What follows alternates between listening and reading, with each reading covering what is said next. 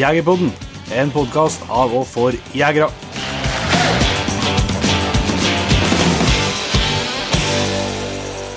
Hjertelig velkommen til en helt ny episode av Jegerpodden.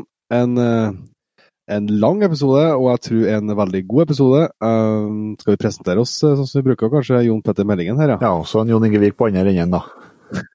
God dag. Ja, Veldig bra. Yes.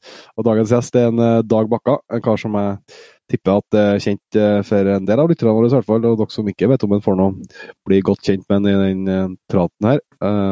Ja, har jo egentlig eh, levd eh, både for og før avjakt i store deler av livet, Dag. Så det er jo ikke så mange, det er ikke så mange av dem i Norge. Så det er artig å få, å prate med noen som er både så dedikert og, og dyktig. Ja, absolutt. Uh, sjelden jeg, har litt sånn forberedt stilling stort sett når vi sitter og prater, men, eh, men eh, akkurat når han uh, prata periodevis, så var det liksom bare å legge seg tilbake og, og, eh, og høre på kunnskap som uh, kommer på, på lin hele tida. Det var helt fantastisk, rett og slett. Det er det Jeg bare jeg fikk akkurat push-varsel om at uh, om at eh, nå er nye regjeringa klar. Der står det altså at det ble en Sveinung Rotevatn, da. Som ble eh, klima, klima- og miljø, yes. miljøminister. Vi får se om det, Det begynner likere. det skal vel eh, litt Ja, skal, skal Du har en hopper ikke akkurat etter Virko, da, for å, for å si det forsiktig. Så Det, det skal være mulig å få til noe, kanskje. Men vi får nå se. det, ble, det, det, det diskuteres litt eh, rovdyrpolitikk i slutten på praten med Dag òg, så vi får håpe at det er det som ny, ny klimaminister og, og eh, Dag, eh, Dag Bakka på Jegerbåten som gjør at det kanskje blir litt, endringer. Det blir litt fart, det. Ja, fortsatt.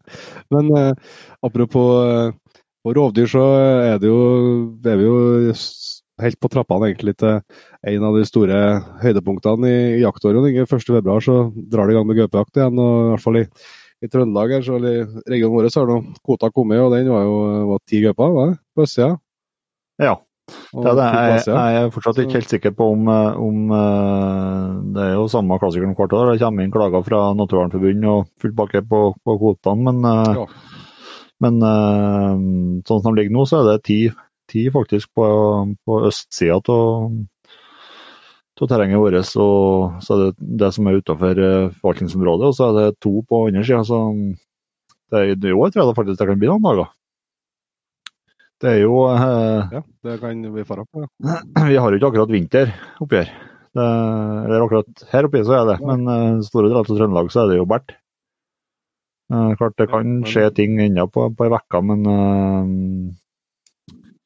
det har jaså meg vært så trasig vinter. og ja, Sist dagene nå har og kjørt scooter i striregn og leta spor og liksom prøve å få kontroll på noe. men eh, det er jaggu ikke enkelt eh, med været, som vi har hatt de siste ukene. Altså. Nei, Apropos scooter og vær, vi hadde jo en liten eh, Messenger-tråd her i, i morges. Det var ute i to timer scootertur i, i stiregn. Da var du faktisk litt uh, Du er ikke typen som skryter uh, oftest, du, men da var du imponert eh, over klærne, eller? Ja, det var det. Um, eh, det her eh, ja, normale klærne som vi normalt bruker når vi kjører scooter, de, de holder ikke ut regnet. Så nå når det, når det regner som verst i dag, så fant jeg jeg ta på meg, ta meg skallklærne til Ravne. Og, eh, og jeg har jo ikke, har ikke vindskjerm eller noen ting, så jeg tar imot eh, regnet med min o store kropp. Du er vindskjermen? Er jeg som er vindskjermen, så, så det blir jo piska mot, mot klærne. Men eh, jeg tok en liten film da, bare for å, for å, for å vise til deg hvor, at de var tørr på innsida. Jeg har jo ull på, på innsida, og, filma når jeg kledde av meg. kom inn i gangen her. eh, Ja, kanskje ikke det beste strippshowet du har fått sendt på Messenger men uh, budskapet kom nå fram. Nei ja, men det, du, du budskapet kom, og du stoppa heldigvis i tide. ja, det var bare å tenke på hvor langt skal dette gå. Men uh, nei, det er imponerende, det, altså. Det, det å kjøre scooter i regn. Eh, og da er jo noen ganger du får testa klær, tenker jeg, som må være da. For da, som du sier, du er vindskjerm og eh, det blir noe Det er forholdsvis eh, styggvær de dagene som tilsvarer to timer på scooter i stiregn hvis du skal ut og gå på fot. Ja, det er det. Så det var artig å se. Og så bare så at jeg skjøt inn, da, bare så jeg har sagt, altså, er jo dette scooterkjøring i, i offentlige løyper. Så det, det, er helt lovlig, det som snakkes om. så ikke noen tror at dæven nå driter de seg ut, guttene. ja, men eh, du Petter, du har jo eh, hatt noen dager nå som, eh, som 100 fulltidsjobb som podkaster. Hva, hva faen gjør du om dagene du, da, egentlig? Minst mulig, da. Sove ut på Nei, jeg prøver nå å henge i, og jeg tror ikke jeg, jeg har jobba så så mye mer enn jeg bruker, for å si det sånn. Heller andre veien. Så nei, jeg jobber da med å prøve å bygge opp en nettbutikk, uh, se på mulighetene rundt det. Um, vi har jo litt uh, liveshow og greier å planlegge. Vi skal jo uh, ha et liveshow på Steinsdalen den 29. Planlegger litt uh, rundt det. Jeg håper at mange av dere som hører på i Trøndelagsområdet, kan ta, ta turen dit. Det blir helaften det med god mat og først, og så blir det Jegerpodden, og så blir det knallbra musikk med knall i vars, etterpå. Så det blir jo helaften. Og så skal vi jo i år som i fjor eh, på Camp Villmark. Eh, Camp Villmark arrangeres jo i år fra 26. mars til 29. mars. Mm. Eh, og der skal vi jo gå all in, rett og slett. Egen stand. Skal opp litt på scenen på dagtid. Vi skal kjøre et det som vi håper blir et liveshow eh, så, så, stort som vi klarer å få til. Vi har i hvert fall, fått tak i lokale som kan eh, ta imot veldig mye folk, eh, så vi skal virkelig dra på der. Allerede booka gjesten. Det er litt for tidlig å komme med navnet ennå, men det tror ikke jeg du vil gå glipp av.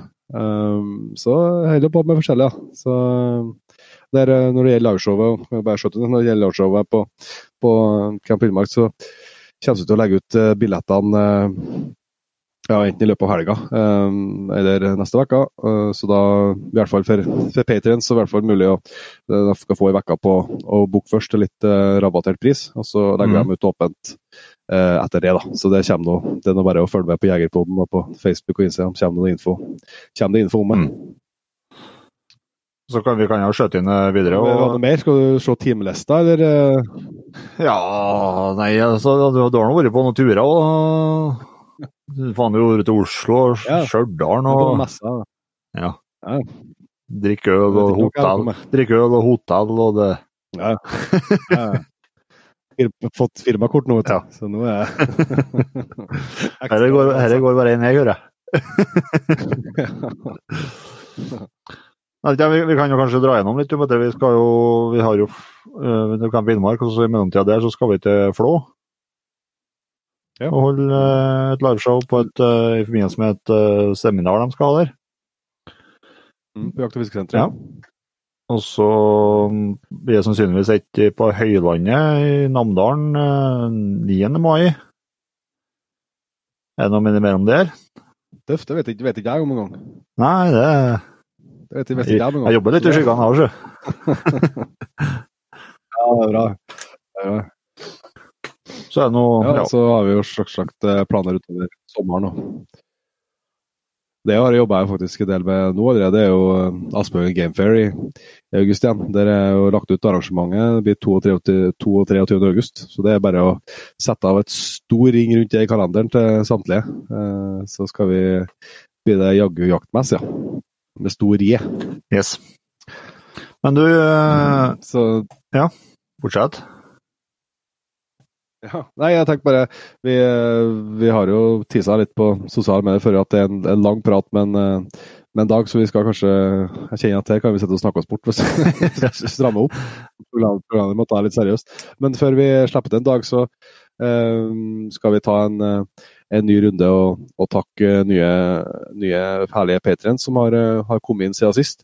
Det holder faktisk på det er på å nærme seg 800 stykker nå. Det er jo et helt uh, absurd stort tall, syns jeg. Og utrolig artig, selvsagt. Og det vil jo si at vi er godt over halvveis mot det målet vi setter på 1000 Patrients, der vi skal trekke ut i drivjakt i, i Polen. Hvis vi når det, når det målet, så er vi faktisk over halvveis mot det. Så det ser rett og slett ut som det blir. At det er bare å sette inn posten i budsjettet, for det, det ser ut som det blir trekking. Ja, det er, det er kjempeartig. Så det har gått jævlig fort, da, ja, det har det. synes jeg. Og så må vi kanskje skjøte inn uh, det òg at uh, neste uke kommer det selvsagt en, en, ny episode av Jegerpoden på fredagen igjen. Men uh, da blir det den første fredagen det er en ren P3-episode. Ja. Det vil si at den dukker ikke opp i, i avspillerne. Den blir delt med, med våre P3-en, så uka etter det så er vi tilbake med i avspillerne igjen. Så vet dere i hvert fall om det, dere som ikke er, er, er P3-en. Så at at det skjer til vekkene. Det er jo, ja, Vi har jo fortalt om det før, at vi har tenkt å, å gjøre det på den måten. og Når vi har eh, litt mer teknologi å støtte oss på, så litt lenger ut på vinteren, eh, våren her, så, så, vil jo det være sånn annenhver episode som vil være sånn. Eh, to som legges ut åpent, og to som legges ut eksklusivt til, til Patrion, som støtter oss på den måten. Mm. Så vet dere noe om at det, at det skjer, i hvert fall. Og det er en episode som neste uke som, som er helt unik, da. Om den er bra eller ikke, det er jo selvsagt opp til, til dere som hører på, å avgjøre. Men uh, vi var i går og spilte inn uh, den Jon Inge på, på en, uh, på en aldersheim med en kar som er 90 år, og som har levd hele livet sitt som, som jeger. egentlig. Har levd, både, har levd av jakta i store deler av livet. Ja. Og selvsagt Og da hadde ikke noe, ikke noe... Fra, fra skog og fjell. Da er det ikke noe snakk om noe guiding eller noen ting sånt. Det er ren og skjær eh, han jakta, og så har han solgt eh, Levd på, på, kjøttet og solgt kjøtt og skinn. Yes. Så sånn skikkelig skikkelig Så ja, rett og slett det er jo på et vis litt fascinerende å snakke om, samtidig som at det er litt sånn nesten trist på et vis, for at jeg tror ikke det er mulig å Iallfall i Norge så tror ikke jeg det er mulig å, å få til det lenger. Men, uh, men, han har jo levd i en tid der det var mulig, uh, og jakta i 75 år. Så det er klart, uh, når du prater med noen som har ja, jakta dobbelt så lenge som oss to til sammen, så, så skjønner du at det, er litt rutine og det, er interessant å høre på. Så det er en veldig spesiell episode, rett og slett. Så det, det gleder vi oss til å dele, dele nok.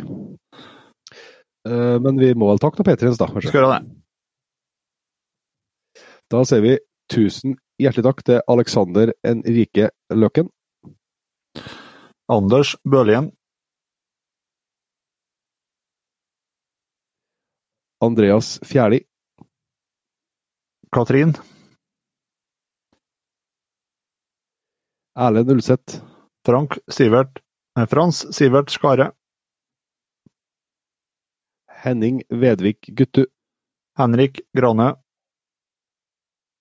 Joar. Jon Mjørud. Kent Teigen. Christian Korsvik. Lisa Løvbrøtte. Marion Strøm. Njål. Per Ivar Moum. Runar Berg. Sondre Rønning. Tor Erik Nymoen. Og Vegard Bjørnmyr. Tusen hjertelig takk til dere. Da dere på lista og blir med på, på episoden neste uke. Og selvsagt også tusen hjertelig takk til alle dere som har kommet inn tidligere. Eh, Patriens eh, er, det vi, uh, er det vi lever av, skal jeg si. Så, så, det er helt fantastisk den veksten vi har fått der, og at dere har lyst til å være med på det. Så vi kjører da i gang praten med en dag, tror jeg? Det gjør vi. Så ser vi god fornøyelse. Da er det klart for å ønske en gjest i velkommen til Jegerpodden, som vi har gleda oss lenge og lenge til å prate med, og som har stått på, på lista, og som jeg tror er et kjent navn for, for mange av våre lyttere. Hjertelig velkommen, Dag Bakka. Jo, takk for det.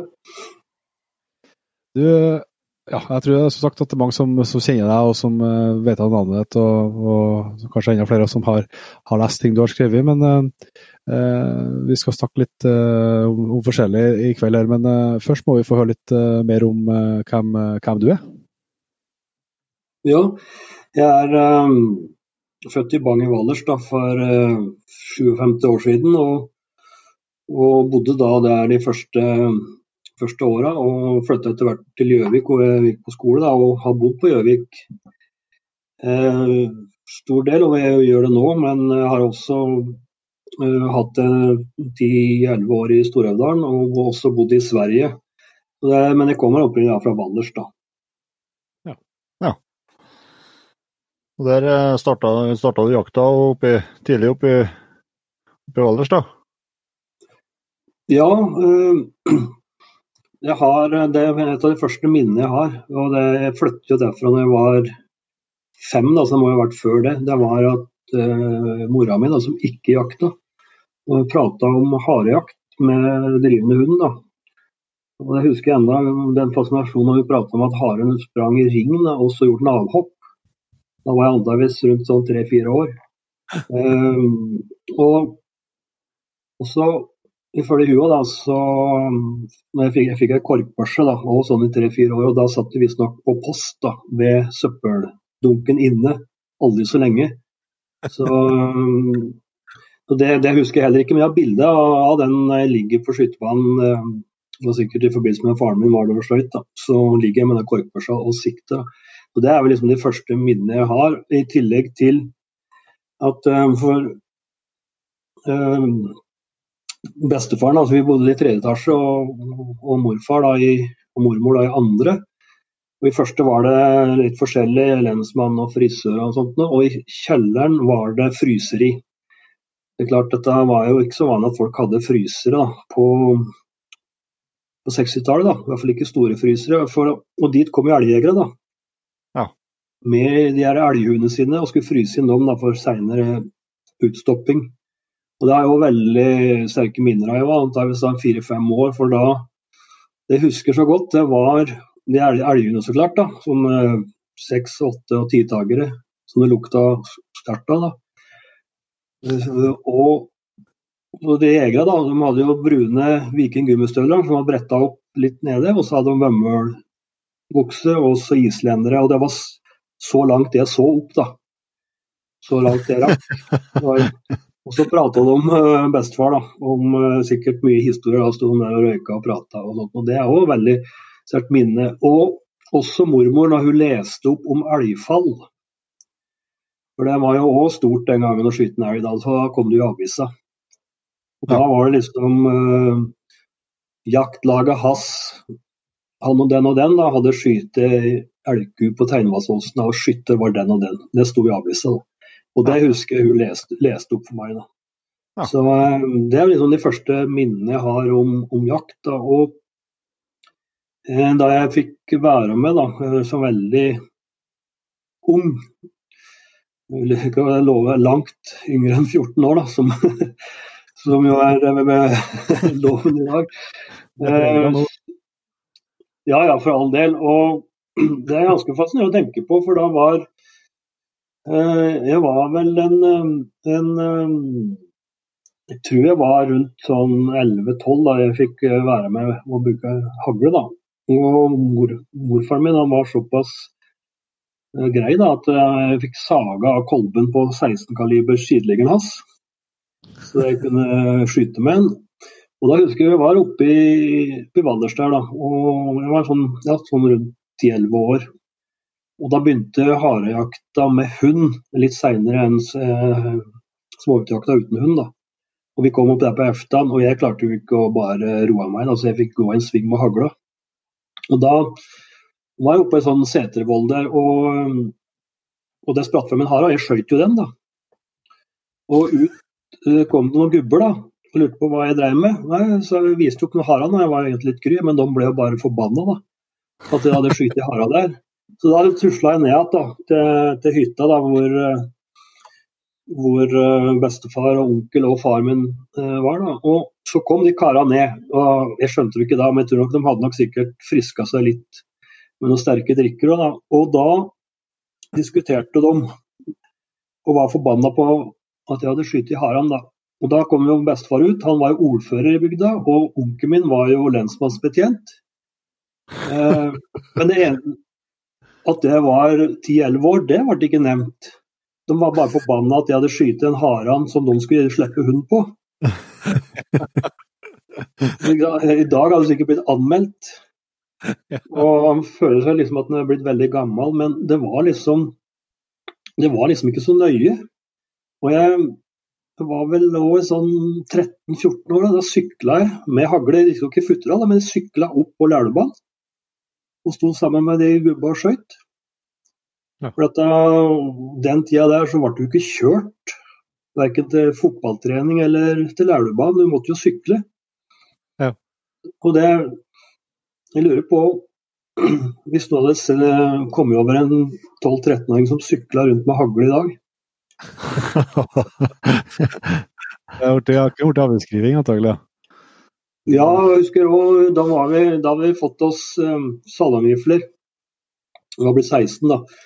Og da flyttet til Gjøvik, og da, da var jeg og en uh, kamerat som het Per. da.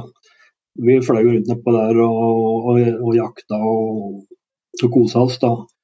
Og da har noen sett oss. Så da var det ei kjerring som hadde ringt til lensmannen da, og sagt at hun hadde sett to unggutter med maskinpistol nede på Mjøstranda. Og da ringte lensmannen til faren min, da, for de skjønte jo hvem det var. da. Så sa han eh, Så spurte liksom Ja, er han derre sønnen din, da. Er han, vet om han driver nede på Mjøstranda og, og jakter? Ja, det gjør han sikkert, sa faderen da. Ja, han Ja, det var ei kjerring som ringte og sa noe om maskinpistoler. Nei, nei, så faderen, det er bare tull. Det, vi har en maskinpistol, men den har jeg gjemt unna. Så det er nok bare salgifter de flyger med. Ja, da var det greit.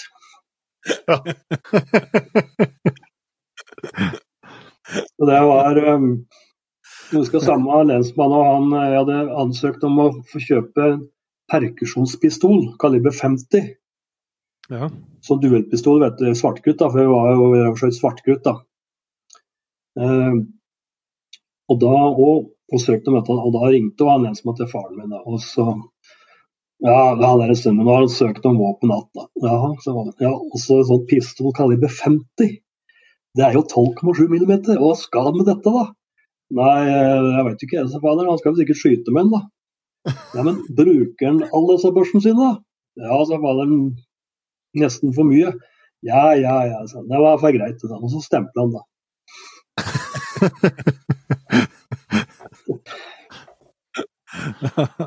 Nei, så, nei, så jeg fikk, begynte jo tidlig. Jeg fikk luftbørse i tiårsgave.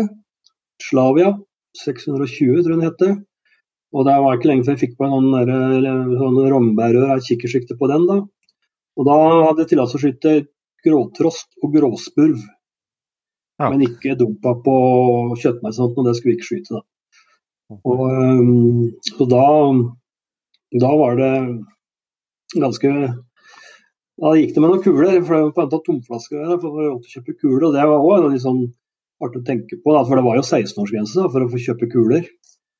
Og da måtte jeg til faderen da, og forstyrre han på jobben, da, og han blei med ned på sportsbutikken da, for å kjøpe de kulene.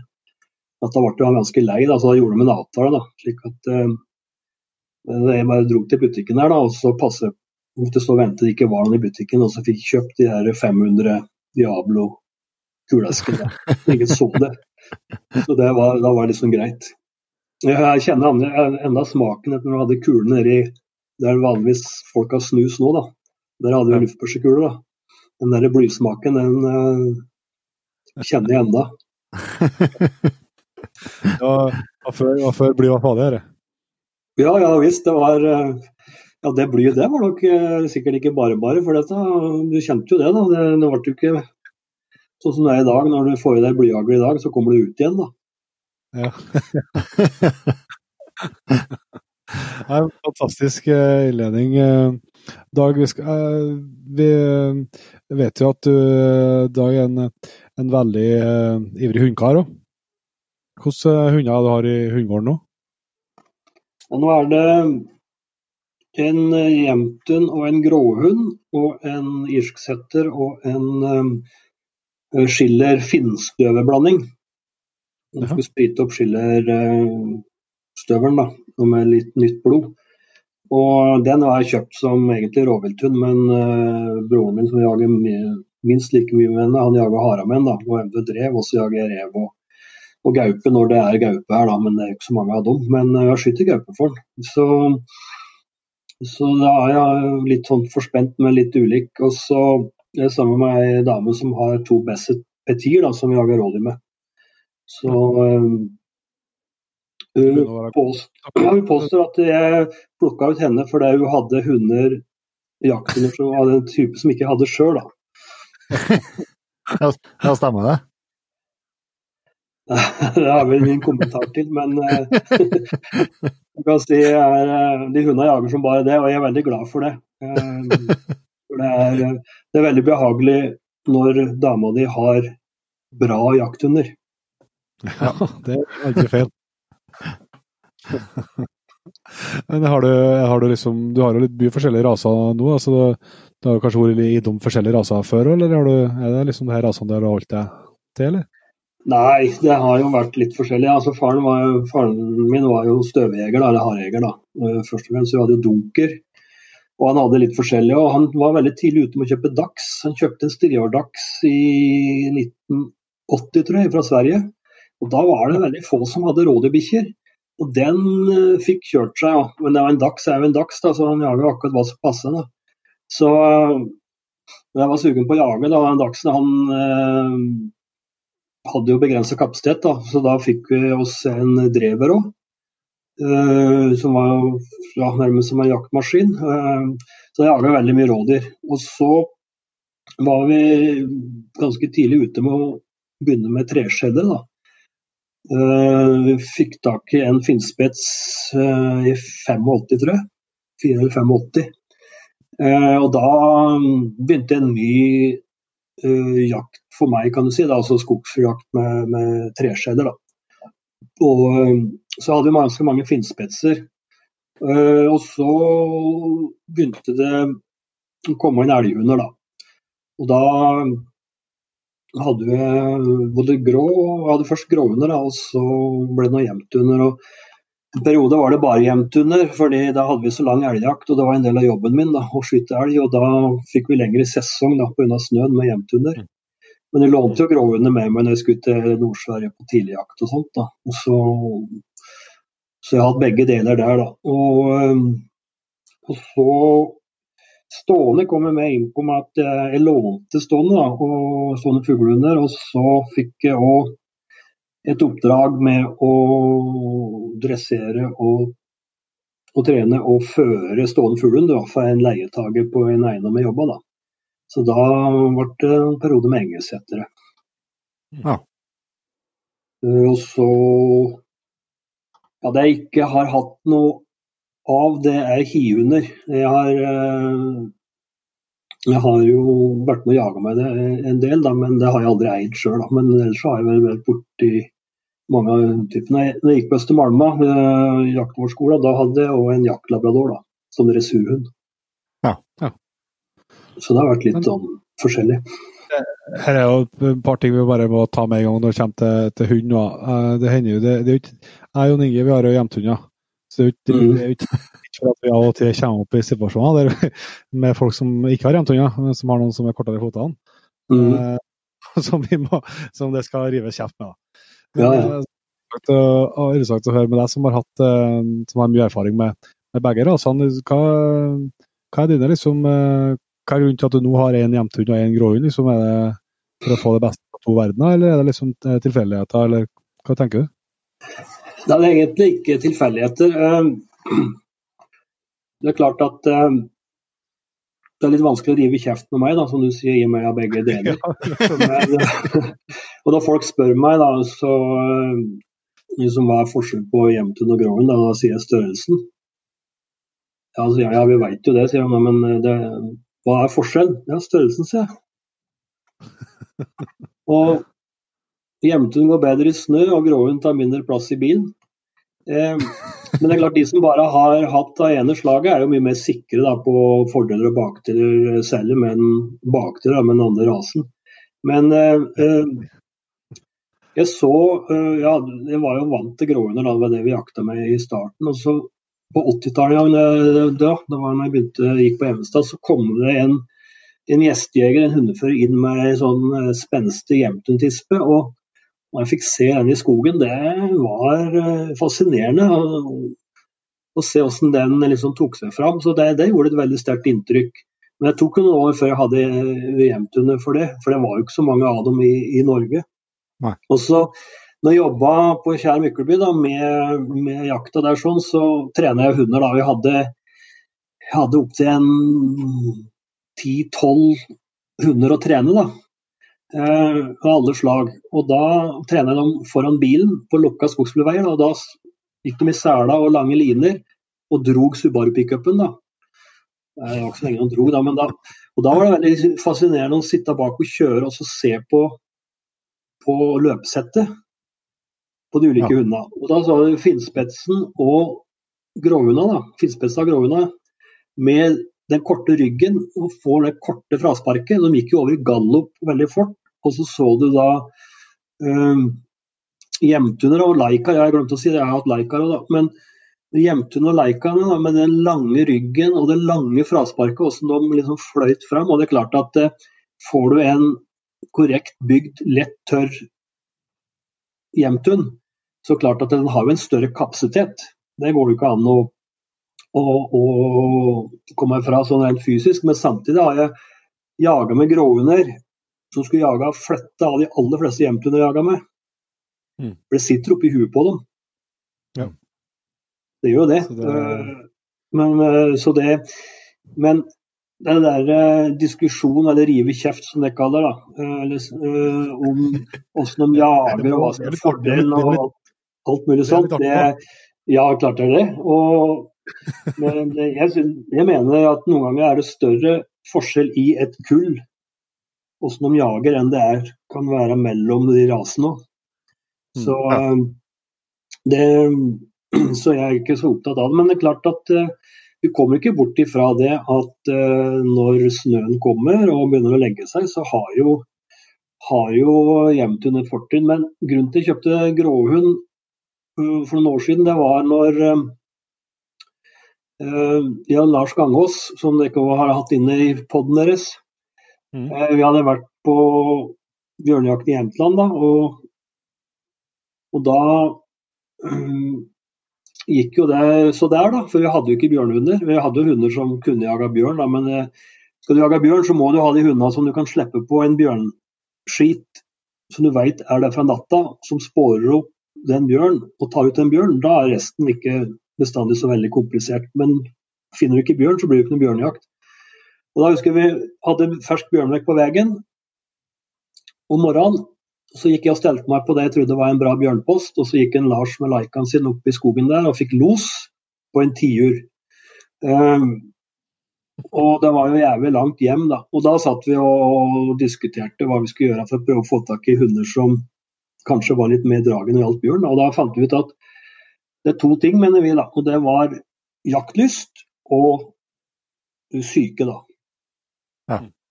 Og da visste vi at Roger Seiger hadde dyrka det med jaktlyst ganske friskt da, i sine gråhunder.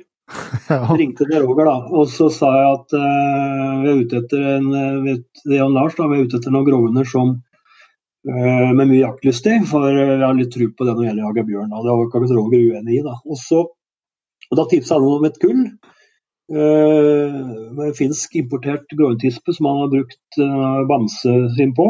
Og så da ringte vi til han, ja, om vi kunne få kjøpe hver vår. Og Så ringte Roger opp igjen, og så sa han at eh, han visste om en uh, hannhund som sto igjen uh, uh, der sånn, som var i seks måneder. og da Så han òg Faren var jo bamse, og så eh, Og den hadde han veldig tru på. Og da ringte han eh, oppdretteren, Bengt, og så spurte han om den Ja, du kunne komme ned og se på den, da. Og så kom han ned og se, han var liten, han var like stor som søstera si. Og så Men likte det, så sa han Bengt at ta med deg Bengt Grøhaugen, altså. Ta med deg han, du, sa han, og så, for da begynte elgjakta. Og så mm, får du se. Og så tok vi han inn i Imsdalen, vi lå og jakta der da, og han jeg likte typen. Og så ringte jeg til Roger igjen, da, så sa jeg jeg liker typen, men han er jo liten, da. Ja, som Roger, da, en centimeter hit eller dit, da, hvis du liker den. Ja, ja, så det var et poeng, det. Så kjøpte den, da. Og kjøpte, og, og den jager jo bjørn. Ja. Ja. Og Lars kjøpte jo av, den, av det kullet med den finske importørtispa, den jaga også bjørn. Så akkurat det, det stemte. Og den, den, jeg har, det er jo en elghund som også jager uh, bjørn. Og jeg var på Jämtland, uh, da var den bare ett og et halvt år. Uh, og da jaga han først en diger, iallfall en voksen hannbjørn, da. men da var kvota fylt. Og så Dagen etter så jaga han ei binne med to unger, som ble filma og styra på det var på jaktjournalen redaksjonsjakt. Og så elgjakta gikk mer over til filming. Og, og jaga med henne ganske lenge og stelte om osv. Og, så videre, og til slutt så svømte bjørna over Svanningersjøen. Og da hadde vi ikke, hadde ikke skutt elg for noe, da trua de her eh, jaktkompisene mine med, at, med juling hvis de skjøt elg for en hund. med et sånt emne, da. Men eh, som jeg sa til dem, at jeg jager bjørn kanskje en uke i året. Skal den der hunden der liksom stå i 51 uker, da? Det går jo ikke, det. Det kan jo ikke det. Altså, for meg, jeg vil ha en elghund som også jager bjørn. Mm. Men jeg har eh, ganske sterke indikasjoner på Ved noen tilfeller så har han valgt bjørn framfor elg. Men for meg er det en elghund som også, også, jager bjørn, og det, det, det, passer til mitt bruk. da. Så, så det stemte med grå, grå, men det, som sagt, det kunne ikke vært en jevntre, men, men uh, som sagt, jeg har uh, fascinasjon for begge, begge rasene. Men det er klart, all ære til gråhunda, men en sånn fire-femårig hjemtunhanne som står og drar på en sånn kald oktobermorgen i en los Det er mektig, ja. Det er eh, Ja, akkurat du sa det. Det er det det er. Veldig bra. Og så er det sånn, eh, Dag, at eh, vi er jo Inge, vi, vi greier jo ikke helt å bli kjent med, med nye folk for å vite hvilke våpen og optikk de har. Så vi må okay. få høre litt hva som står til våpenskapet. Ja, eh, i og med du snakker optikk, så jeg regner med du tenker på riflene, da. Ja, ja. ja. Eh, nei, jeg har eh, en eh, Browning A-bolt 3006.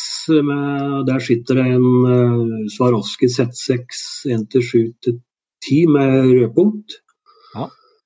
Uh, jeg har blitt veldig glad i. Det er to ting jeg ikke kommer til å bytte ut uh, før det blir forbudt. og Det er rødpunkt i kikkertsjiktet og lyddemper. Um, tror, tror du det blir forbudt?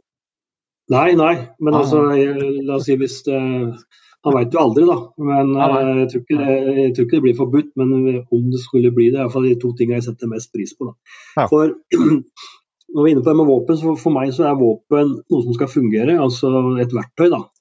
Eh, jeg har òg lagt mine vante både på uh, Pøler og Holland og Holland og Maniche Schönauer fra fra 50-tallet og sånt. Og da snakker vi liksom om eh, eh, våpen som har en eh, fantastisk stil, kan du si. da. Eller flott eh, dobbelløpa rifle med en fin gradert vanlighetsstokk. Da. Men det jeg har, det er eh, rustfritt og glassfiber. Og bra kikkertsikte, for det skal fungere. Og lyddempere. Mm. Og i tillegg til den A-bolten så har jeg en eh, Remington 700 med 260 Remington.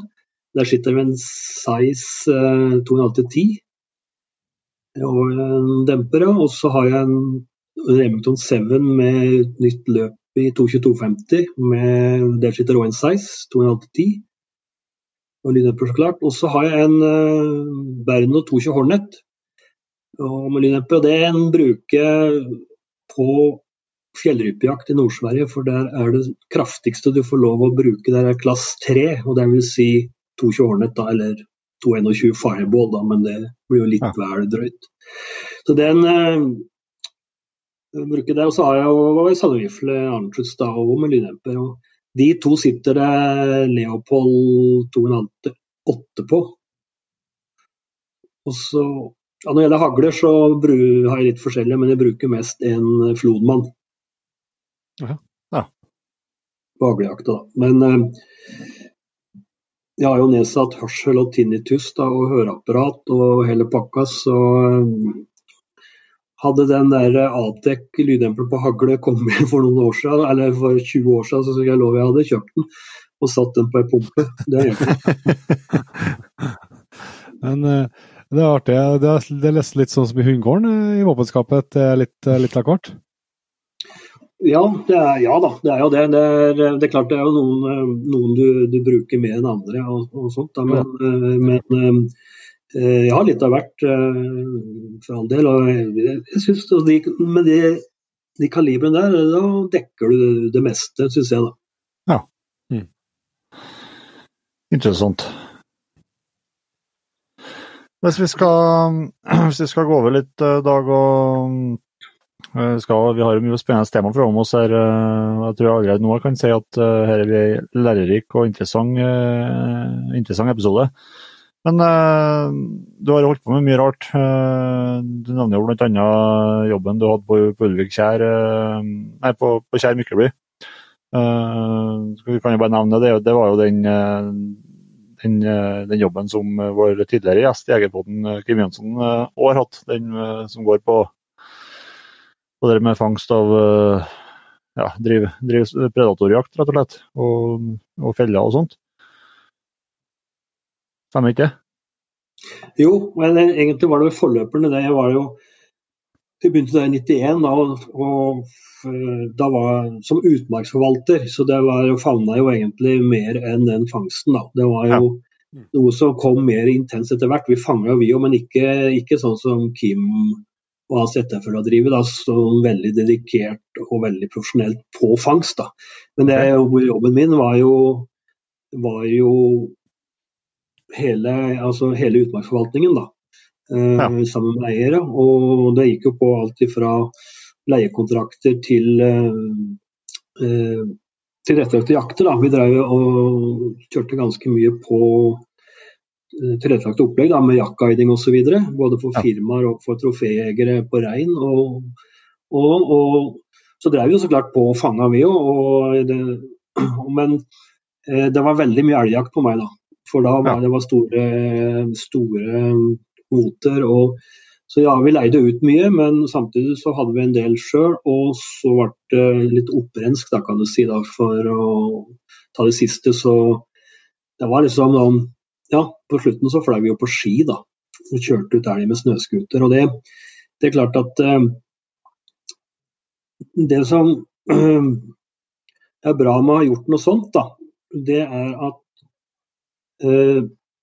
jo mer du har jobba med jakt yrkesmessig, da, jo større pris setter du på å ha det som hobby. Ja. Eh, for det er to, to forskjellige ting. Eh, det er når du har det som jobb, da, f.eks. å skyte restkvote, eller ta hånd om gjester osv., så, videre, så, så server du. Når det gjelder restkvoten, da, så skal du være effektiv. Du jager så lenge det er lyst, bare vommer ut, så kjører du etter det er mørkt, og så slakter du om natta.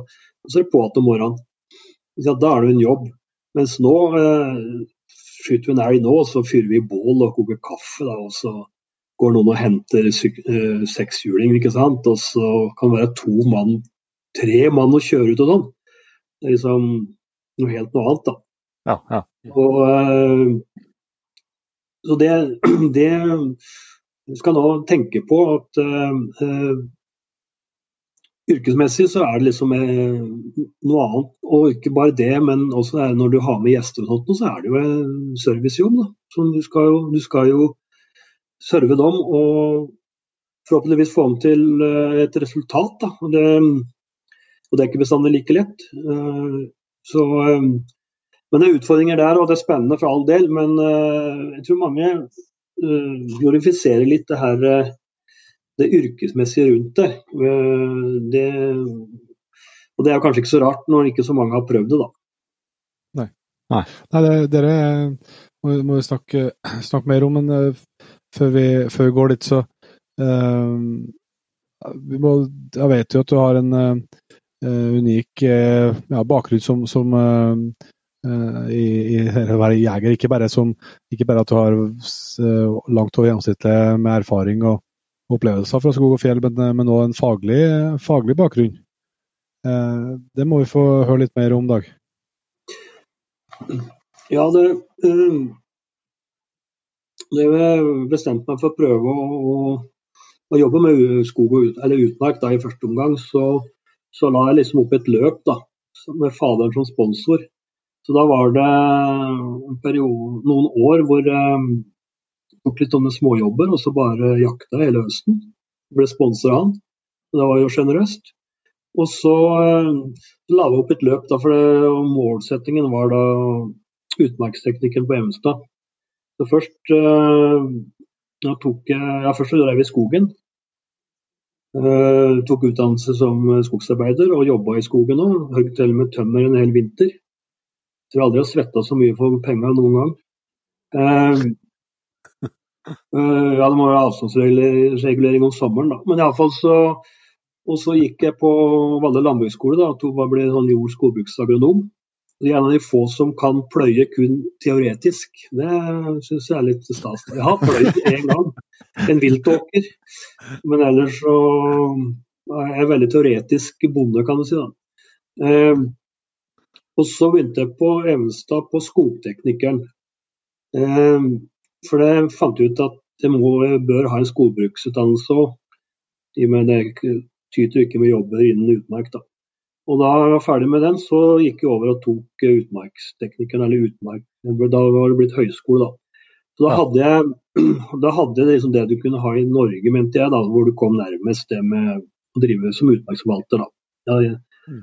og, og så var jeg så heldig å bli plukka ut da, i, av eh, Norges jeger- og fiskeforbund eh, som norske, kandidat, norske eleven da, til viltmesterkurset på Østermalma i 94-95.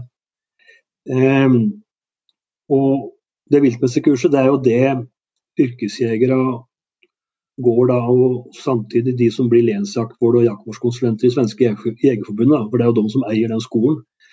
Og Der var det 16 plasser, og én til en nordmann og én til en finne, da, hvor respektive jeger, Norges jeger- og fiskeforbund og Jegernes sentralorganisasjon, heter vel det finske, plukka ut. da. Så da kom jeg dit og gikk eh, det viltmessekurset, og ble da nordmann nummer 20, tror jeg, så jeg er 47. Og nå er vel sikkert flesteparten av dem døde, tror jeg. Ja, det veit de om Jeg lurer på om vi, har eh, den, eh, Var ikke det en Arnold Hamstad? Som vi har på som Han som er, Ja. lever ennå, ja. Stemmer det. Mhm. Vebjørn Svendsen i Jeger og Fisk er en annen en. Så, så det er ø, Petter Kohl oppe i Finnmark òg, som jeg kommer på i farten. Så det er en liten sånn eksklusiv gjeng, da. Og, og der, det er det du kommer kan du si, det nærmeste i, i, i Norden da, for å, for å få en utdannelse innen det med eh, viltforvaltning og jakt. da, Yrkesmessig. og De har jo en skole i danske jegerforbundet på Kale, men der blir det ikke så Ja, det blir litt mye, eller mer oppdrett og utsetting og sånt, da. Selv om jeg hadde jo det på Østermalma òg. Eh, og det gjorde jo at eh, vi fikk jo en eh, bekjentskapskrets da, av svenske yrkesjegere. Som jeg har hatt stor glede av. Og det er jo sånn i den bransjen der da, at eh, i den grad de har tid, så reiser de til hverandre og hjelper hverandre på jaktene, og så jager de også hverandre òg. Ja. Var det mange- Var det mange år du gikk der, da? Hva liksom det var, det var ett og et halvt år. Ja. Det er dessverre ingen nordmann som har gått etter meg, så jeg håper det kan bli noe. Nå, er det gjort litt annerledes. Nå kan du komme inn liksom med høyskole eller universitet da, inn og ta det på, som en ren teorikurs. Men vi, det var litt annerledes når vi gikk, da. Men det hadde vært moro hvis det kom noen nye norske og, og ble viltmester. da. Klart det. Det kan godt hende sett en eh, blivende viltmester på Jegerpodden, vet du. Ja, det, men, det, hadde, vært, det hadde vært litt uh, artig. Absolutt. Men du, du sa det, sa et, stikkord som har tenkt på dag, som jeg vil gjerne prate mer om det. Vi har jo vært litt i, litt i Sverige sjøl og jakta sånn, både nordover og, og sørover. Og det begrepet yrkesjeger, eh, så en som har har yrkesjeger der og der, og yrkesjeger der og der, det dukker jo opp innimellom. Eh, det er jo på en vis en tittel som eh, det sikkert ikke er flust av i, i Sverige heller, men i hvert fall den, den eksisterer i, i, i beste velgående. Hva, hva som ligger i det yrkesjegerbegrepet? Ja, de, ja nei, det er eh, Du har helt rett i det. Eh, Det er jo noen som bruker det i Norge òg, men det tror jeg mange av dem har uh, kanskje ikke he helt dekning for å kalle seg, men det får jo bli domssak. I, I, Sverige er det en ny forening også, som heter SYF, Svensk yrkesjegerforening, som jeg var medlem i før. Som jeg jobba med det i Norge. og den yrkesjegerforeningen der, da, de er bl.a. involvert med jaktelevordningen som er i Sverige. Og det er i forbindelse med utdannelsen på, på Østermalma, så det er satt litt system. da. Og En yrkesjeger i Sverige, det er, da er det ofte på, en, eh, på et gods eller en eiendom. Eh, det er jo lang tradisjon i, i Sverige. Man må huske på at Sverige er et langt land. og Jaktlig sett så er det veldig stor forskjell på nord og sør. Du kan si Fra Värmland og nordover så er det ganske likt Norge, med unntak av at det er store skogsbolag. da eh, som styrer jakta, men der leies jakta ut i sånn generelt, så er det litt guiding på fjellet osv. Men i sør så har du, fra Melardalen, altså i Stockholm og nedover, så har du godskulturen, da, som jo er veldig gammel. Og der, De hadde jo jegere fortrinnsvis for å uh, serve eieren og, og, hans venner. For det var veldig tradisjon blant de godseierne da. De er jo adel i Sverige, da. Så grever og baroner da, eh, og prinser osv. de ja, gjorde ikke noe annet eh, stort sett da, på høsten og vinteren å jage oss hverandre. Og Da var det opp til yrkesjegerne å sørge for at den jakta fungerte. da. Det kunne være fasaner, rapphøns, øh, eller drevjakter. da, Særlig på elg øh, var jo det fra, fra gammelt av, de store folkedrevene. da. Og Vi ser jo det med, med kongen i Sverige og har jo egne jaktterreng. og er jo rundt og jakter og, og sånne opplegg. Mens i, i, i Norge så jakter, jakt jo kong Harald liksom, i, i Sikkesdalen kan du si, som et elgjaktlag. da. Eh, så, så, yrkesjegeren han server eieren, eh, og så har det òg blitt mer og mer vanlig å selge jakter. da. Eh, det vil si at da eieren kanskje beholder én jakt, eh, hvor han ber sine venner og og slekt. Og så er det selvjakter, som vi sier da. Det kan òg være på utsatt fugl, og det kan være på bukk, råbukk. Og det kan være drevjakter på kløvvilt. Så, og da er det øh, opp til da yrkesjegeren, som ofte er viltmester, øh, å sørge for at dette her fungerer. da. Og Da har de ofte med seg jaktelever og praktikanter, for det er, veldig, det er klart det er veldig mye jobb med sånne tilrettelagte arrangement. da. Eh, I Norge har vi jo ikke den, eh, den eh, samme måten å, selge jakt på. Vi vi har, jo, store eiendommer i Norge òg, men det er sjelden at det blir sånn, kan du si, mer sånn selskapelig jakt. Og er det de store eiendommene som har tilrettelagte opplegg, så er det ofte på elg. Og da kan du si med kanskje individuell guiding med løshund osv. Det er sjelden vi har de her drevjaktene i, i, i Norge. Da, og heller ikke den tradisjonen med å jakt på utsatt, utsatt vilt, altså, altså fugl, altså ender eller fasaner og, og rapphøns. Så, um, jeg, har et, jeg har et spørsmål på det med utsatt, utsetting der jeg bare må skjøte inn. Er det, hvorfor altså, er det du som kjenner både litt fag og, og, og, og praksis, hva sier det? I Norge? Er det fordi at vi ikke har lov til å sette ut uh, fasaden og ender og sånt, at vi ikke gjør det, eller er det bare en kulturell greie? Det er nok en kulturell, for det er lov. Absolutt. Fasaden er, eh, skal jo være, finnes fra før, da, men stokken, det er lov å sette ut stokkene. Det som ble eh, et forbud mot nå, da, det var import fra Sverige eller andre land da, med stokkender. Pga. at når du tok i den mengden som ble gjort for et par år siden, så kunne det genforurense norske stokkender. Eh, det, men det er ikke forbudt å oppdrette eh, stokkender og, og, sette ut. Og det er heller ikke forbudt å fòre inn ender eh, og ha en hyggelig jakt på, men det er veldig liten tradisjon for det i Norge. Men det, det, hadde, det ble jo mye oppstyr rundt dette her, og det var pga. mengden. Altså, vi er ikke vant til liksom, at, at, det settes ut 8000 ender. Det er så veldig unorsk. Men vi har jo vært litt uh, involvert i noen sånne som har arrangert. Da, og Kanskje kveldstrekk, som vi sier. Altså det, på, på, kvelden da, så kommer det flyr inn og skal lande i dammen sin osv. Og, så og så står det da kanskje fire-fem år og, og, skyter på dem på vei ut igjen. Og, og, skyter kanskje på, ja, på fem børser, og så skyter de kanskje 50 ender. da. Eh, og Det er liksom helt innafor å, gjøre det på en grei måte. Det apporteres med labradorer og, eh, og andre apporterende raser. Og, og, da er det greit. Men det som er eh, litt sånn betenkelig når øh, norske grunneiere ansetter svenske yrkesjegere, det, hvis de ikke klarer å sette seg inn i norske jakttradisjoner, kan du si, da, Eh, så, så kan det bli litt gærent. da. Og Det, det er vel det som uh, skjedde, slik at noen tror jo folk at det er forbudt. da.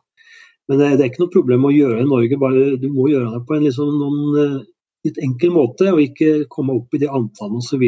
Og, og involvere hundeklubber, og så mange kan ha glede av dette her. da, Ikke bare de som står der og, og skyter. Så, det, så vi har vi har som sagt eh, ikke den godskulturen. altså den Tenk på, altså på begynnelsen av 1900-tallet så var det kongelige jakten i Norge. Vet du hva det var? Nei. Kong Haakon og kronprins Olav og Fridtjof Nansen og et par andre de jakta hara med drivende hund.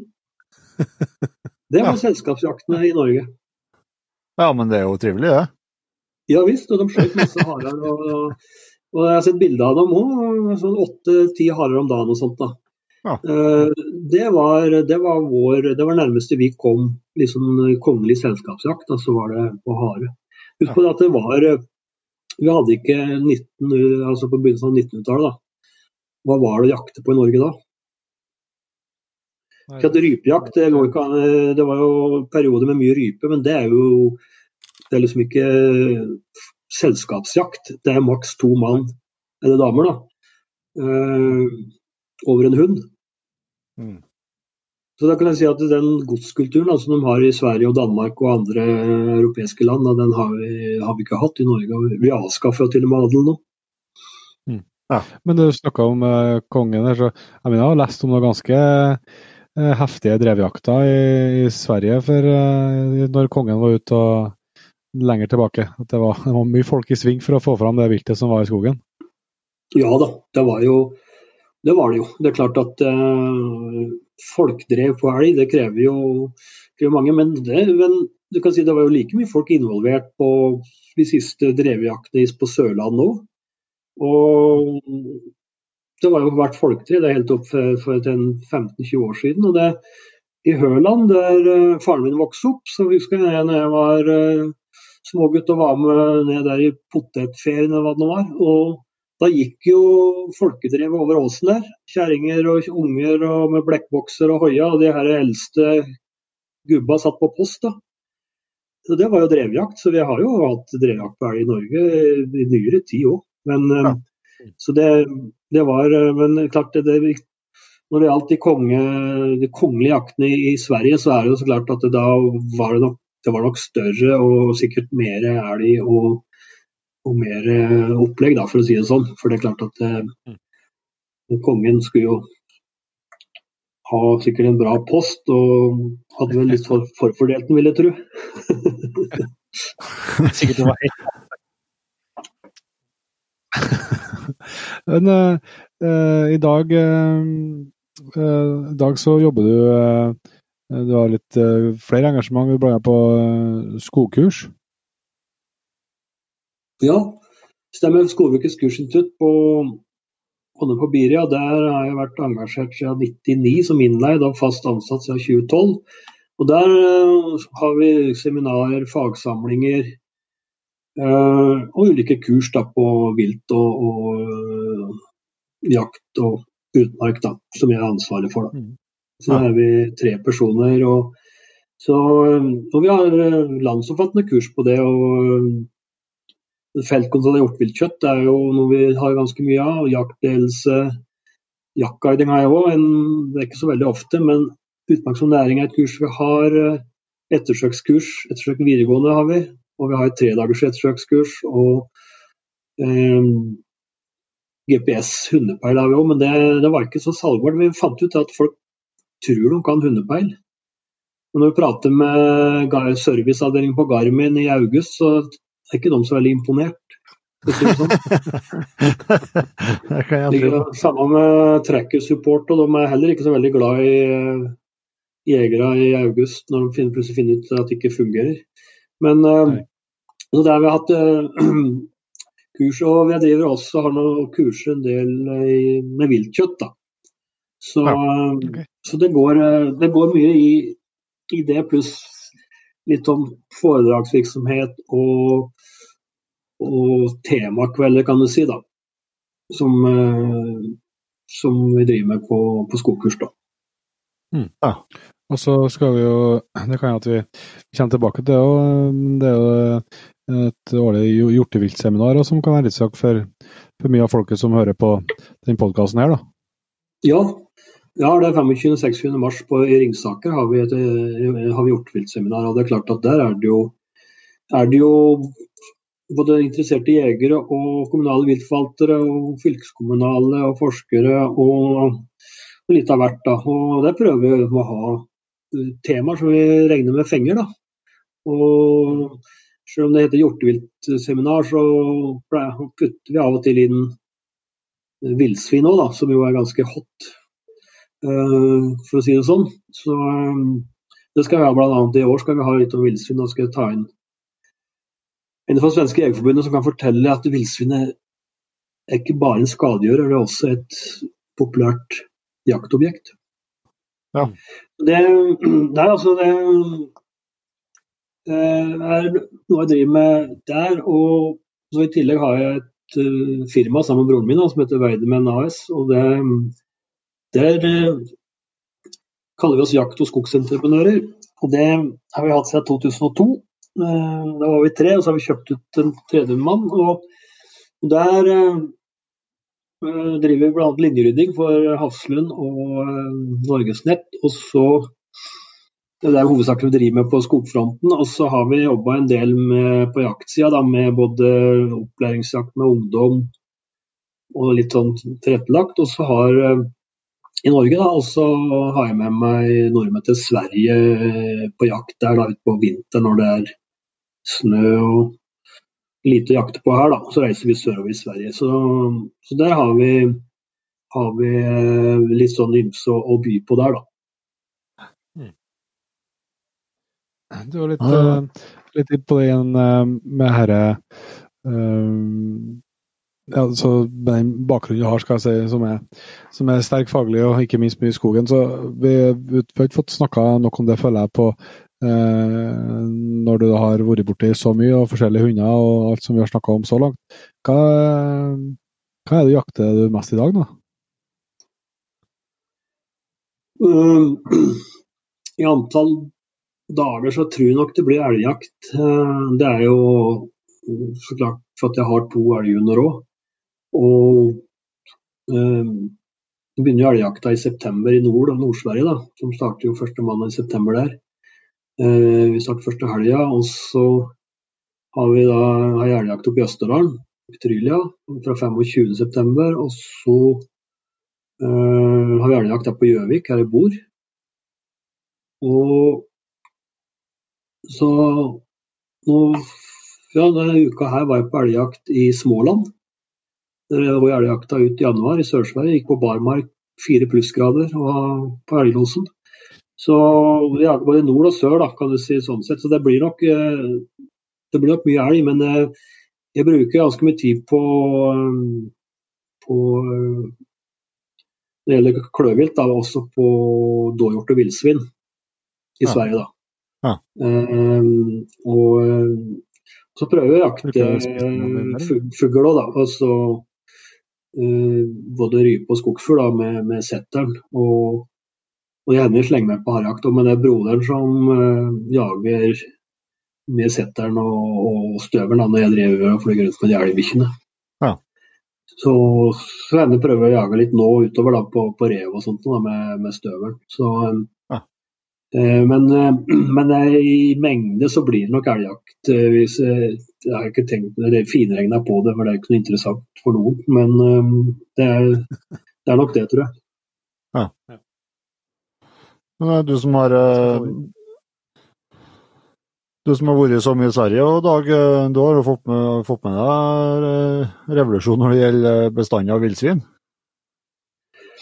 Ja, Uh, det stemmer. Men øh, de har jo Villsvinet har jo blitt det store kløvviltet i Sør-Sverige. Altså, ja. De har jo en ganske trist elgstamme. Rådyrstammen er heller ikke noe å skryte av.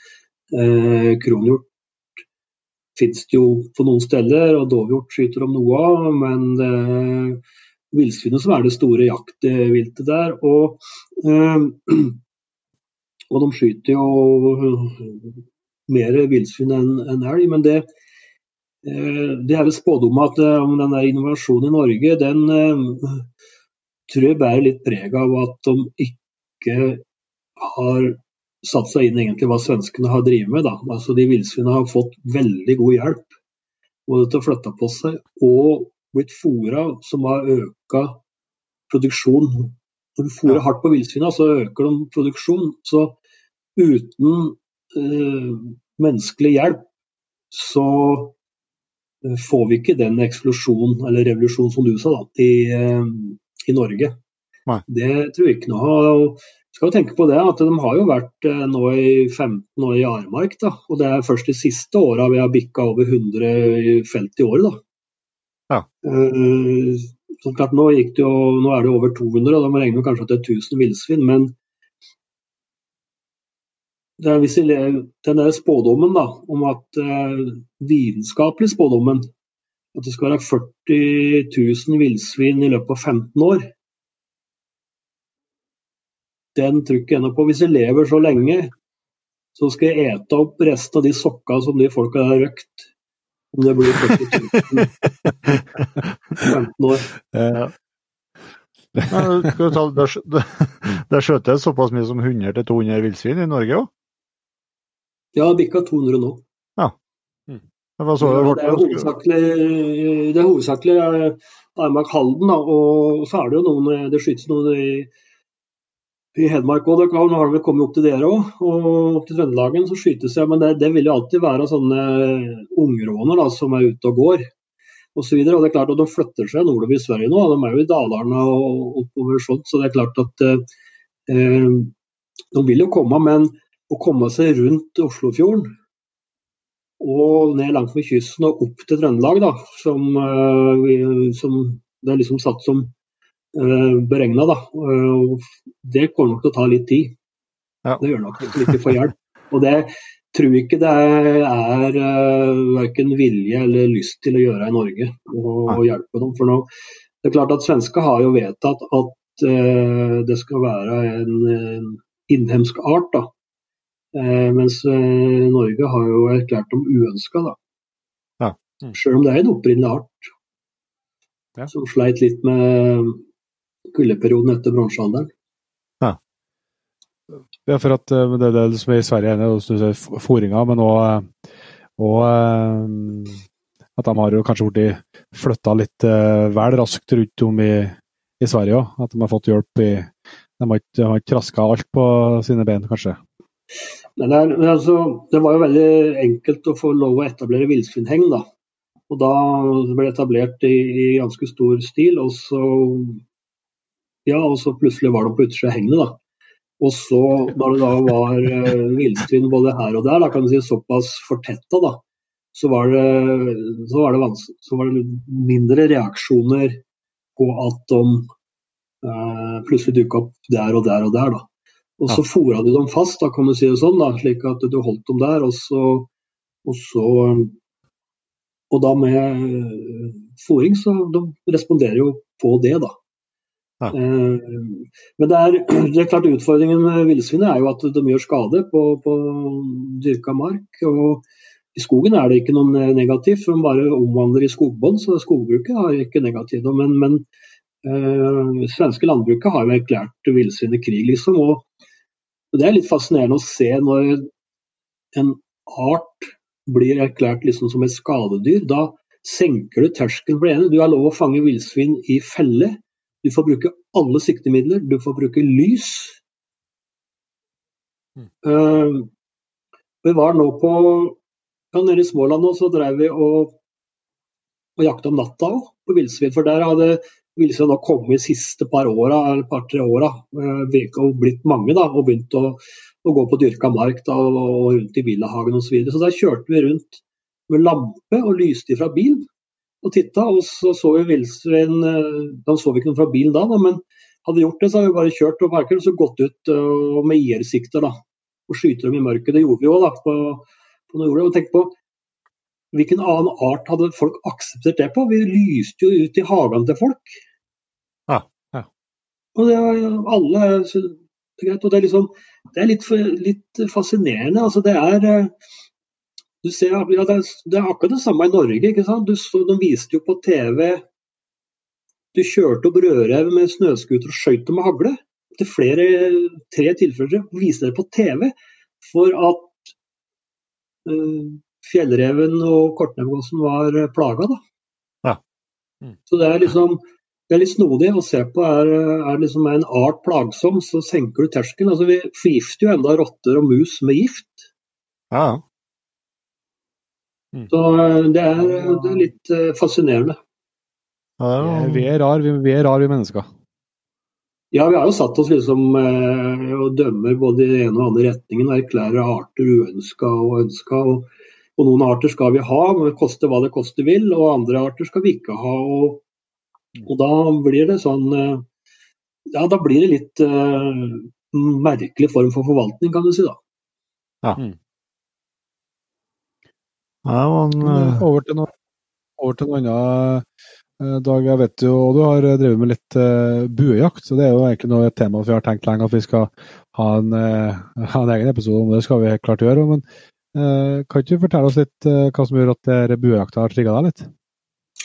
Ja, nå er ikke jeg noen stor buejeger på ingen måte. Jeg har jakta litt i, Afrika. og så og så Jeg skyter en del buer sånn bare på privatbruk, da, på blink. Men, men eh, det som fascinerte meg litt, det var at for det første måtte, må du prøve det for å, for å forstå poenget.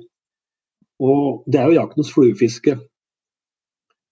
Ja, du har jo de som står i lakseelva med enhånds fluestang og en sånn tynn fortom da, og tar laksen på flue, og det er det store. Og litt lenger opp da, så står det en eller annen med de stiv, lang stang og ambassadør og tauer den inn, da, for å si det litt stygt. Og eh, hvorfor i all verden skal du bruke enhånds fluestang da, når du kan bruke noe som er mer effektivt? Og Det blir akkurat samme med, med bujakta. Altså det, det, er mer Det trigger deg ikke sant, med at du må på et så mye kortere hold. Og så du skal spenne buen, det er mye bevegelse osv.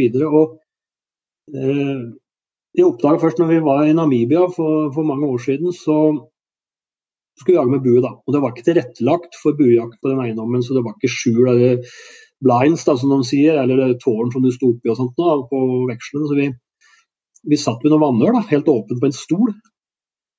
Og da kom det vortesvin da, til vannhølet. da. Og så tenkte jeg, sto, sto der sånn, sånn, ja, sånn 40 meter unna meg og vurderte om jeg skulle gå ned til vannhølet. Hadde jeg sittet der med 30-06, så hadde jo egentlig mye av spenningen vært borte. For det er klart at eh, på 40 meter så bør du klare å treffe en vortesvin greit med rifle og kikkertsikte, og du sitter. Eh, men her var, mer, her var det mye mer spenning, for her, her var det mye som skulle skje. Her, det måtte komme nærmere. Og jeg måtte spenne buen, og jeg måtte jo treffe, så klart. Uh, og det gjorde han. Han kom helt ned, og så skjøt jeg og traff. da. Han hoppa høyt i været og, og for av gårde. Og, og, det er fascinerende at du kan se på pila ikke bare om du har truffet, men også hvor du har truffet. Er det lungeblod på pila? Er det vom på pila? Eh, så sprang jeg vortesvin en bit av, og for en gangs skyld fikk han stoppa de her buskmennene. For de, de, gjør sånne der, uh, spontane ettersøk. Da. De springer etter. da. Du skal holde viltet i gang da, til det ikke orker mer. Det var liksom deres filosofi. Da. Men jeg sa kan ikke vi via PH-en, da, som kunne språket noe bedre enn meg. Da. Så kan vi ikke vente nå, da. Så jeg og spise lunsj, og så kan vi se, da. Så fant vi grisen etterpå. Men den der opplevelsen der, da, at du, du suger lenger på karamellen. Du får mer ut av det. Det, var, det hadde vært en ålreit situasjon med, med rifla, men det hadde ikke vært det samme. Og jeg tror det at Der har du buejaktens fascinasjon, altså at det krever mer av deg som jeger. Du må tettere innpå. Og så er det en, er det en enmannsjakt. ikke sant? Altså det er når du går ut alene med elghund og skyter en elg på i los, eller du jager med en treskjelle, eller du jager bever i en liten bekk, og så er jo buen til min mening veldig interessant. La oss si at du har en elgkalv, og så det er ikke så farlig om du får den eller ikke da, den dagen, eller kanskje neste dag, så kan du like gå med buen. Og så skulle det vært, Hvis det blir lovlig i Norge, da, og jeg enda klarer å spenne en bue, så skulle det vært veldig fascinerende å prøve å skyte en villrein med pil og bue. Ja. For det er klart at Når du sitter på fjellet der eh, De bågastilene er ikke så lett å finne. De satt jo bak skjul. da, og skøyt på snitt åtte meter sånn, faktisk, har de funnet ut. For det, De måtte jo sitte i skjul òg, pga. spenne buen. Så det er klart at det krever jo sin mann eller kvinne å komme så nært innpå villreinen. Men det går, jeg har vært innpå såpass, så det er klart du kommer til å bruke mye mer tid. Men la oss si at du har en kalv, da. Ja, ja. Nei, du, I stedet for å skyte en dam, så kan du tusle rundt med buen din. da. Eller at du bruker 14 dager på å skyte av råbukken i stedet for å skyte den om morgenen den 10.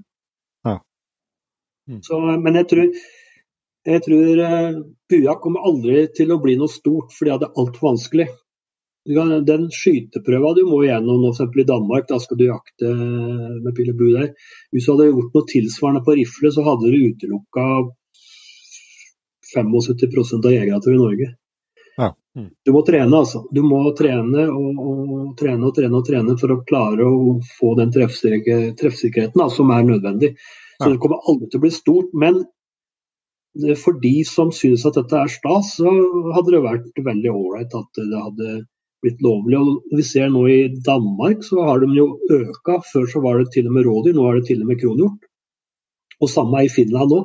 Nå er det opp til og med hvithalehjort. Eh, før så var det jo bare småvilt i Finland, og i Sverige så er det på trappene. De har ikke fått uh, noe ennå. Så får vi jo se i Norge, da. Det, har vært trivelig for de entusiastene om det ble, uh, ble lovlig. Men jeg sier som grisen om så slakter i døra. Jeg har mine tvil. jeg er helt jeg er enig med deg, Dag.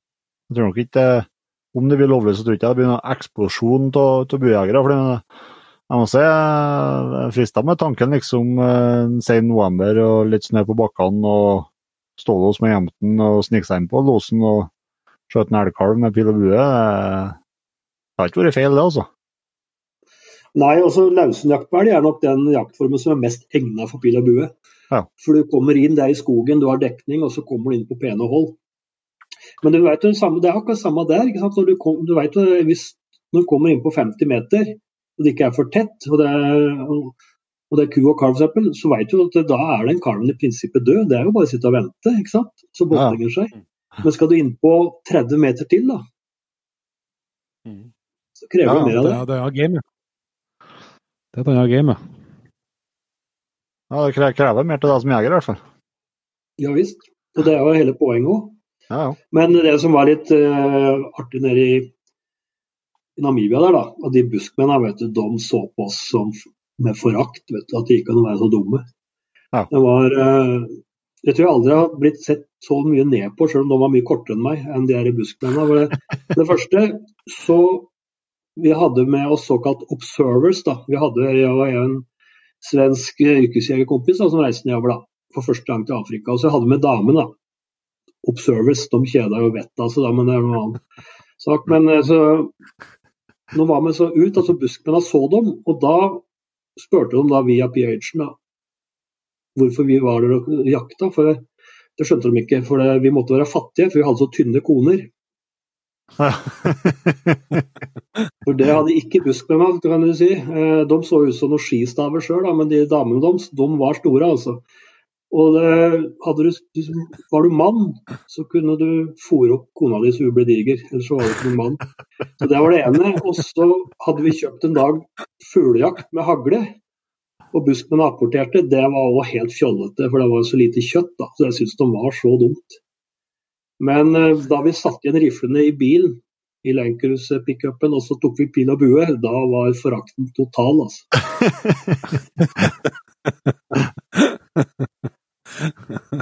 En måte på å være jålete, si. Jeg prøvde liksom via Bjertsen å forklare at det var buskmenns gamle våpen, men det bare ja, Det var fjolleri. Ja. Det var interessant. Veldig bra. Du, du, du ser jo litt eh, PH her, eh, eh, Dag. Du har jo eh, ja, du, du har jo hatt uh, mer eller mindre jakt skal jeg si, og ulike, ulike former av det som, som yrke. og En del av det har du vært på flere ganger, er jo, er jo det her med, med, med å være jaktguide. Vi har jo så vidt prøvd oss som jaktguider litt, ja, du Nigge òg, men uh, det blir jo bare småtteri mot eh, de dagene, antallet dager du har hatt, eh, hatt der. Hva det, hvordan uh, syns du det er å være, være jaktguide?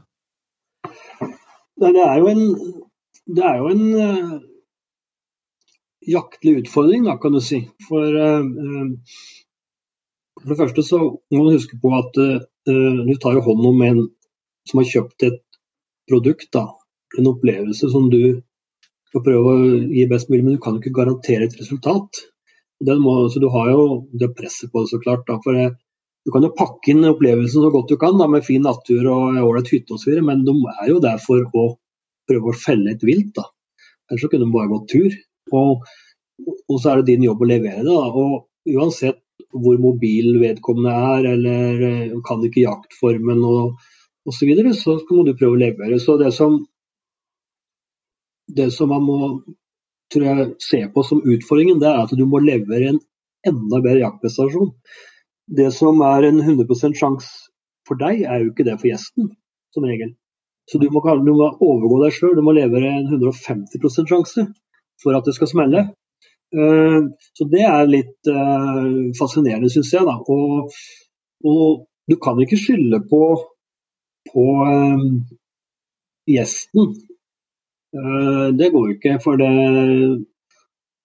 han eller hun da, har jo kommet hit for å kjøpe det her. Det som, det som ofte største feilen er, i hvert fall hvis det er snakk om utlendinger, det er at vi klarer ikke å informere bra nok. Vi klarer ikke, Som nordmenn klarer ikke vi å forklare en søreuropeer hva det egentlig er. Uansett hvor godt vi bruker. Så det jeg brukte eh, etter hvert, og det var, skulle jeg selge eksempel, til dansker, så var det en dansk bekjent som var med og jakta sammen med meg, som, uh, som jakta fritt. da, uh, mot å selge det. For da tok han de her første samtalene, sammen med en tysker f.eks. Det er ingen ja. som kan forklare en tysk jeger bedre enn en tysker som har vært der. For Det er sånne detaljer som vi, som vi ikke får med oss. og det blant annet er at vi, vi opplyste om at du måtte være i normalt god form. Hva er det, da? Ikke sant? Mm.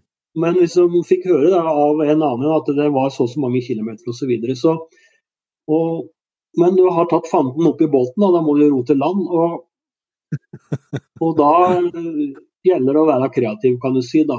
Og, eh, men den største utfordringen, syns jeg, det var eh, fjellet og havet.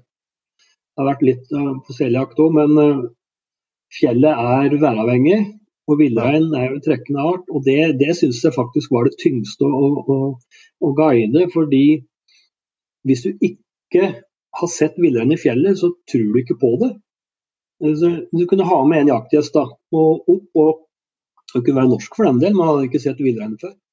Ja, og Så gikk du ut på et sted da, kanskje ikke gjesten var så mobil, og så måtte du gå dit. da, og Så satt du der, da, for du hadde rett vind. da. Ja, Så satt du der og prata, da, og da må du få gjesten til å prate. da, Du må jo kunne språket. Og Så flyr, kommer det en korp, da, så flyr den over. da, og Det er det som skjer den dagen. da, og Så går, drar du ned igjen. da. Og Dagen etterpå så drar han opp på samme sted, for det vind er riktig, den kommer jo her. Ja, Så kommer den korpen og flyr tilbake igjen, da, det som skjer den dagen. Og så da tredje dagen, da, han spør hvor du skal hen. Jeg skal oppå der, da, for det er bra. Og du ser om trykket på deg, vet du. Og For den der, når du vokser opp en villreinflokk i horisonten med horn og greier og kommer og landet lever, som Ingstad skrev, da Du må ha sett det for å tro det. Og det der livløse fjellet plutselig snur, da. Så er det Da er det jo for så vidt greit resten. Eh, men eh, den væravhengigheten er en, en, utfordring. I skogen kan du jakte uansett vær, eh, men tåke i fjellet, hva gjør du da? Ja, må være god til å prate historier, da, men du går jo tom.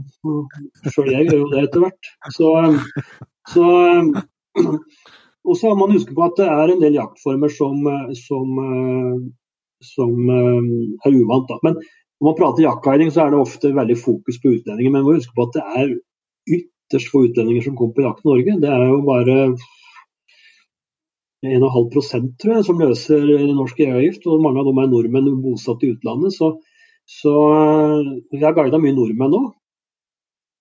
Og det kan være alt fra ferske jegere fra 16-åringer til 40-åringer. Eh, og det blir det samme, de blir bedre til å kle seg, da. Eh, men ellers så er det, er det jo samme utfordringen, da. Og det, men det syns jeg er, det er kanskje noe av det mest fascinerende jeg kan se på. Det er hvis det, en ung gutt eller ung jente da, får komme inn på en øylos sammen med deg og så se det spektakulære. ikke sant? Hvis en er litt sånn livatt elg som uh, gjør utfall mot hund osv. Og, og du ser liksom at eh, nervene sitter utapå Dovrefjelldressen hans, vet du. Og, og hvis han da får skyte det er altså Nei, det, det syns jeg er så beskrivelig eh, herlig opplevelse å se. Ja. Mm. Det, det, da lever, det lever du ganske lenge på. Men det som man skal huske på når det gjelder uh, jaktguiding, det er at det er et tøft serviceyrke. Det må man ikke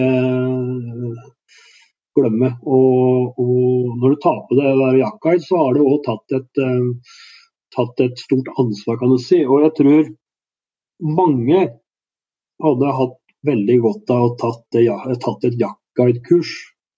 Eh, som de bør gjøre akkurat like mye dumt som det vi andre har gjort. Og, eh, og Jeg hørte nå senest i dag fra Innovasjon eh, Norge at eh, på Svalbard nå kommer det først med en sertifisering av guider.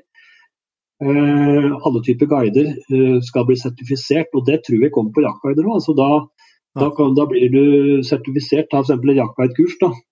Og så blir du sertifisert, og kan du bruke det i, i kan du si, markedsføringa di. Ja. Det kommer nok, og det tror jeg det tror jeg er riktig, for det, det, skjer mye rart. altså. Folk veit ikke helt hva det er bestandig. Er det noen som tilbyr sånn jakt, eh, jaktguidekurs i, i, Norge i dag? Ja, skogkurs gjør det. Dere gjør det? Ja. Mm. ja akkurat. Ja, Det er jo absolutt et, eh, noe som er å, kan være verdt å, å merke seg. for det, det, er jo flere fasetter liksom, i det. tenker jeg. Det, klart, det, er jo noe med språk, og, men det ikke minst og andre jaktkulturer. og kanskje også at, eh, i hvert fall Snakk om utenlandske jegere, det er klart det er få, som du sier, men, men uh, som har altså, Det kan jo i hvert fall mine sånne fordommer mot det, men det trenger slett ikke å være riktig. Men at hun treffer typisk litt folk av en av litt annen stand, da, for å kalle det kanskje, enn enn den uh, vanlige norske ivrige jegeren. Uh, med, som kanskje har et kommer til forventninger og, og sånt, og som kanskje litt, kan være litt ulikt. da. Ja, det kan du si. Men og det der med forventninger er jo noe man skal være veldig forsiktig med. Jeg så det senest i dag, når jeg satt sammen med han fra Innovasjon og så prat, diskuterte, så tok han fram noe på nettet. da. Og Da var det en som tilbyr skogsfugljakt med stående hund uh, guida. Da, og Det sto bl.a. husk å ta med nok ammunisjon. Det er klart at uh, på skogsfugljakt, da, da, har du lagt noen føringer som du kanskje bør tenke litt om på. Altså. Ja. Jeg hadde i hvert fall eh, troppa opp 50 patroner da, og forventa å bruke de fleste. Ja. Ja. En annen ting også, som man kan tenke på i tillegg til å ta et jaktkurs, det er at han bør, bør kjøpe noe jakt sjøl og bli guida sjøl. Det er ganske mye å lære av. Det er ubeskrivelig trist å bli guida av en dårlig jaktguide. Mm. Uh, og så er det veldig interessant å bli guida av en bra jaktguide. Ja, ja. Så at du får litt erfaringer fra, fra kundesida sjøl, ja.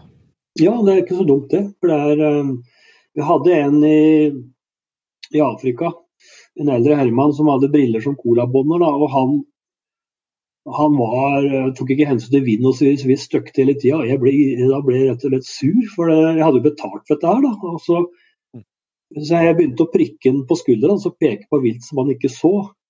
Det ble ikke noe bedre stemning av det, kan du si. da. Um, til slutt så ble han så lei meg at da uh, sendte han meg ut bare med en svart en, som ikke kunne språket engang. Han sa bare 'yes', han. Litt, da ble det litt utfordrende for meg. for vi, vi, Han forklarte hva jeg skulle skyte, og så fikk jeg han um, mørke herremann som heter Jan, til og med, husker jeg. Og, og jeg var fascinert over to ting med han Jan. og Det var tempoet hans i varmen. Og i, i, hvert fall i forhold til hva han hadde på seg, for han var bra påkledd. da. Uh, så jeg svetta jo mye mer enn Jan, iallfall. Uh, og så rulla han røyk, rulla tørr tobakk i, to, i dopapir i fart. Men, og røyka klart, da, og det lukta jo bråtebrann, da. Men, uh, men da husker vi kom inn på noen gamesbooker, da, og så uh, spurte en Jan da liksom om peke, som prøvde å peke ut en Det er sånn som hun kunne skyte da. Yes, han. Og så sto jeg så på, jeg hadde ikke så mye erfaring, men jeg tenkte at nei, han er vel egentlig ikke stor nok. Og så visste jeg at han fikk på skallen hvis det var for liten. da. Og så nei, så, så brista jeg på huet, og så gikk vi videre. og Så pekte jeg på en annen, og så sa han yes. han. Og så var jeg skeptisk, og så kom jeg på noen springbukk som jeg visste var freda, og så spurte om jeg kunne skyte den, og så sa han yes. han. Og da skjønte jeg at Han sa jo yes uansett, for det var det eneste ordet han kunne. ikke sant?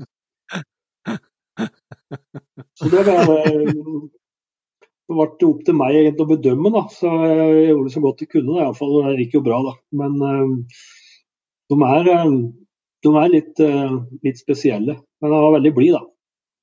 Ja. ja.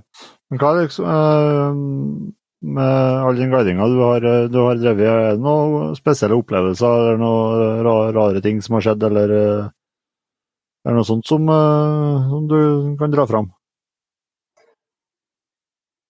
Ja, da kunne vi sikkert sittet hele kvelden. Og vi har prata med noen andre som har drevet litt i bransjen og snakka om å skulle skrive en bok, da, men det tror jeg får et veldig lite opplag. Dessuten kommer ikke folk til å tro på hva vi skrev. Da. Men det, som, eh, det var faktisk en, den første jaktgjesten gjorde et veldig sterkt inntrykk på meg. Eh, det var eh, Da hadde jeg en bra finnspets, og så ble jeg kobla til en svenske i Värmland som tok imot tyskere på skogsfugljakt som skulle guide med treskjellere. Og da Jeg snakka jo bra tysk, da. Og det var en eldre, korrekt herremann, sånn rundt 70, tenker jeg. Dette var på midten av 80-tallet. Og da slapp vi noen finspetsen. Og, og hadde noen losegreier, og det gikk sånn litt sånn trått. Da. De hadde jo drilling med innstikkspipe og dro alltid feil avtrekker og litt sånt. Men jeg husker første losen vi skulle innpå, da, så jeg var veldig ambisiøs, da, så det skulle jo krabbes. da. Det skulle krabbes innpå losen. Uh, sånn som jeg gjorde, da. Og så spurte jeg han Klaus, det til meg heter, uh, om han kunne krabbe, da, for det var litt viktig for å komme innpå. Han sa at ja, han hadde tilbrakt to år ved den russiske front, så han kunne krabbe. Ja, da, da ble det svar skyldig, da sa jeg ikke noe på lenge. Og så og Klaus krabba, jeg skal love deg, så lederhåsen ble ripete. Men, og så skjøt han til slutt en tiur, da. En gabbatiur som er så takknemlig nok slo i toppen av ei furu like ved oss. Og den skøyten, datt jo ned, og jeg sprang jo bort, for finspissen var jo litt uh, fælt bite om i ryggen, da, og det er det verste preparantet jeg veit. Og, så jeg sprang og og tok jo tiuren der, da, og Klaus kom, og da omfavna meg, og mens tårene rant, den der ærverdige eldre Herman. Og da, da, skjønte jeg egentlig hvor Begynte å skjønne hvor stort liksom, en gammeltyr var. Da. Så det er hårvilt for en tysker, da. Sammen med kronhjort og, og elg og osv. Og, og, og så dro han fram ei damestrømpebukse, og jeg tenkte hva er dette for noe, da? Uh, sånn brun nylonstrømpe, vet du. Tenkte, all verden. Den dro han over tiuren, da. Og Det var jo perfekt for utstopping, da, for da det pusta, så ble den plutselig bare halvparten så stor. Så putta vi den i sekken. Da. Så etter det så fløy vi guida rundt med damestrømpebukser i ryggsekka. Da, og jeg håper ikke noen av guida ble oppdaga av damene sine når de drev rota i sekka deres. Men, uh, det var og, Nei, og så skulle vi tilbake til Torsby hotell. Uh, der venter jo fruene og de, og de andre gjestene kom inn, og da skulle fugl drikkes inn. Det var liksom litt sånn nytt for meg. da. Det var litt sånn høytidelig rundt det. Det, det gjorde veldig sterkt inntrykk. Og nei, altså, Jeg prøver å tenke på de historiene, så er det, er det Prøve å tenke fram de gangene det har vært gått bra, da, for liksom å ta fram dem. For det, det er jo det som er mest hyggelig. Det er klart det har vært, det har vært utfordringer bl.a. med mobilitet, da, og særlig på villreinjakt. Der det jo det jo, har det vært krevende hvis jaktgjesten ikke har vært så mobil. For det, på elgjakt og sånt, da kan du tross alt lage noen poster i nærheten av skogsvei, men uh, fjellet må du som regel gå. da. Ja. Mm. Og dessuten så har du liksom ikke terrenget for deg sjøl. Og det kan komme Når vi er der og stanker og går og prøver å komme fram, og så kommer det noen friske nordmenn da, i bra driv og bare liksom distanserer deg. da. Det kan jo være litt utfordrende, for det er jo litt sånn Eh, vanskelig å forklare en jaktgjest. altså Han har kjøpt en jakt der, sånn, og så er det andre jegere der. Det forstår du ikke helt, da. Nei, Men nei, eh, det er ikke mange. Nei, og så og så var det noe Det som var aller vanskeligst, syns jeg, å leve, i, det har jo vært uh, store elgokser. Som jo er veldig ettertrakta, men det er kanskje noe av det vanskeligste å skyte i Norden, etter min mening. Ja. Um, for det er så få av dem.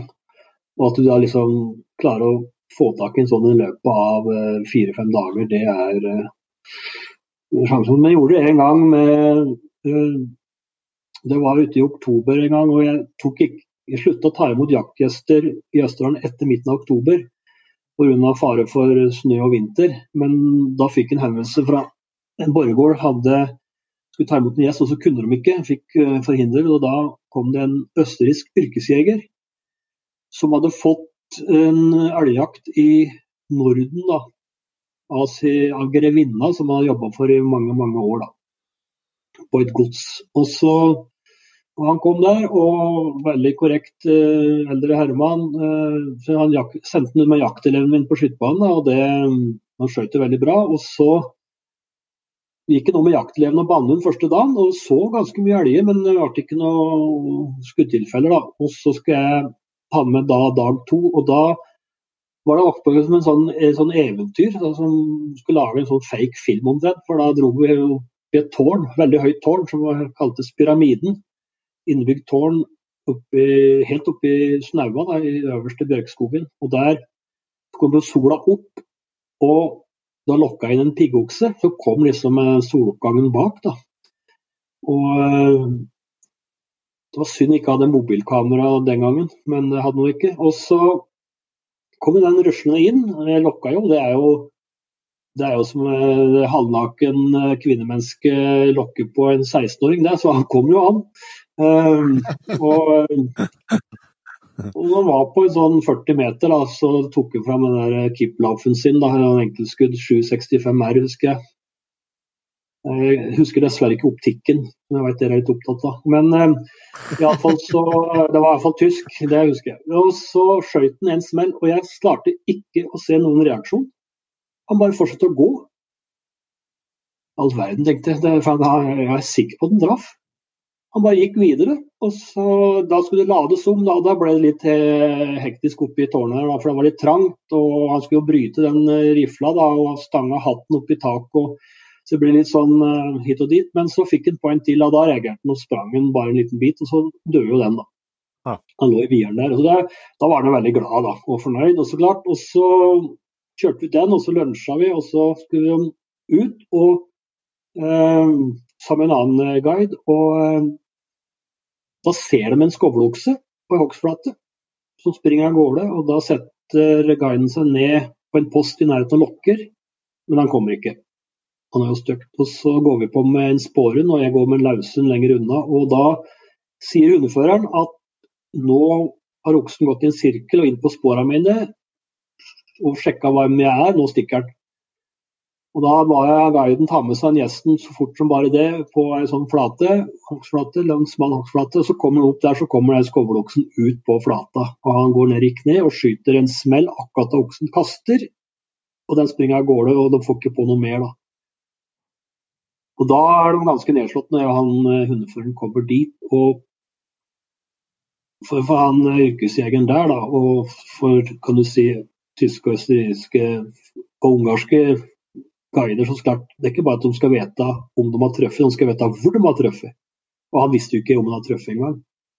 Og øh, vi fant jo ingenting på skuddplass, og så satte vi dem på en post, og så begynte vi å spåre. og da øh, fant vi den etter 550 meter, husker jeg. hadde Vinkla lå der død, da, for kula hadde gått inn i ene lunga. da, Så det var jo ikke noe blod da, før akkurat uh, siste meteret.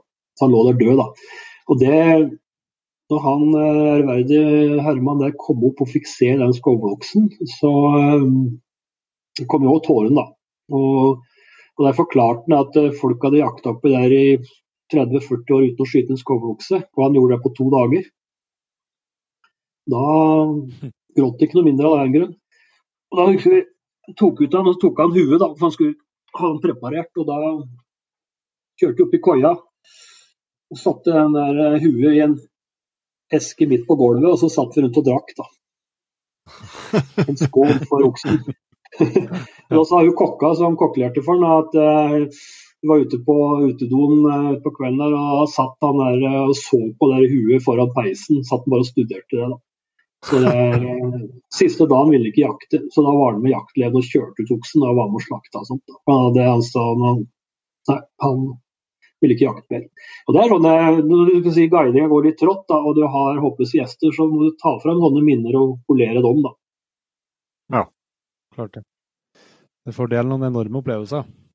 Ja, og så er det, det er jo, det er jo veldig stas da å leve, leve noe sånt. da. Ja. Mm. Men det er, det er, klart at det er så vanskelig at vi solgte aldri troféjakt på elg. Vi solgte troféjakt på, på villrein. For det klarte vi som levere. Men vi solgte elgjakt med mulighet for å skyte trofé, da. men vi solgte aldri troféjakt på elg. Og Det tror jeg ikke vi kan selge i Norge, for det, det, det, kan, det er for vanskelig. Altså, du, jo, du, må jo prøve på all del, men ikke selg troféjakt på elg. Nei.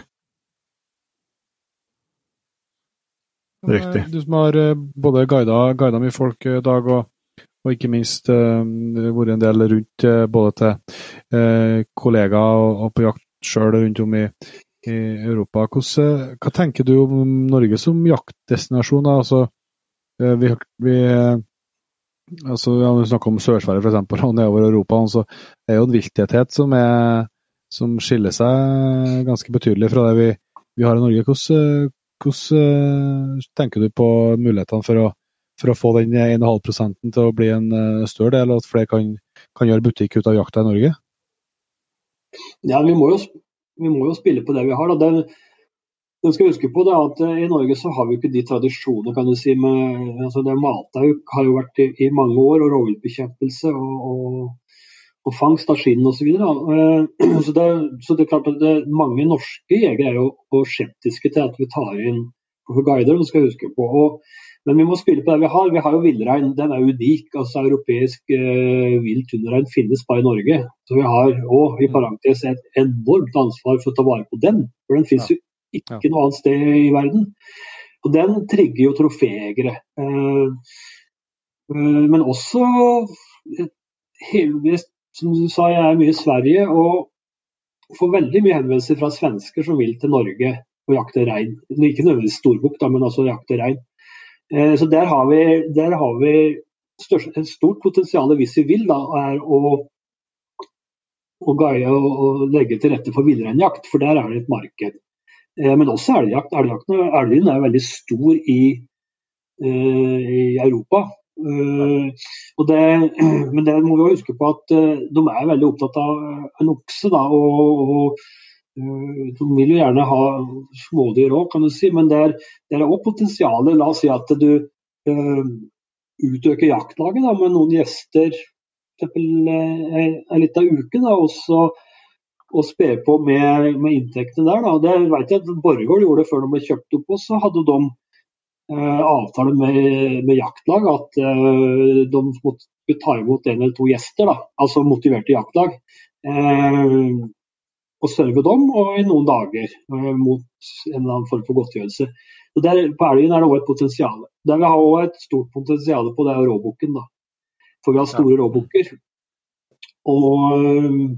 Men da må som du sier, det er klart Ytterøy er jo, det er jo fullbooka flere år, ikke sant, med ikke minst dansker. da.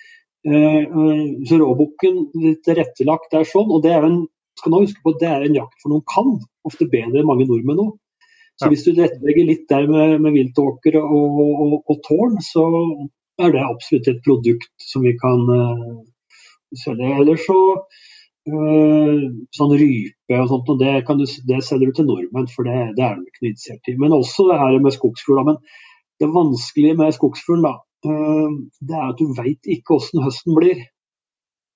Uh, og du selger jo jakta lenge før du veit hva det blir. Og og det er klart at Er det et dårlig år, så er det, er det tungt. altså. Så, men det er absolutt en, en mulighet uh, for, uh, for, det òg.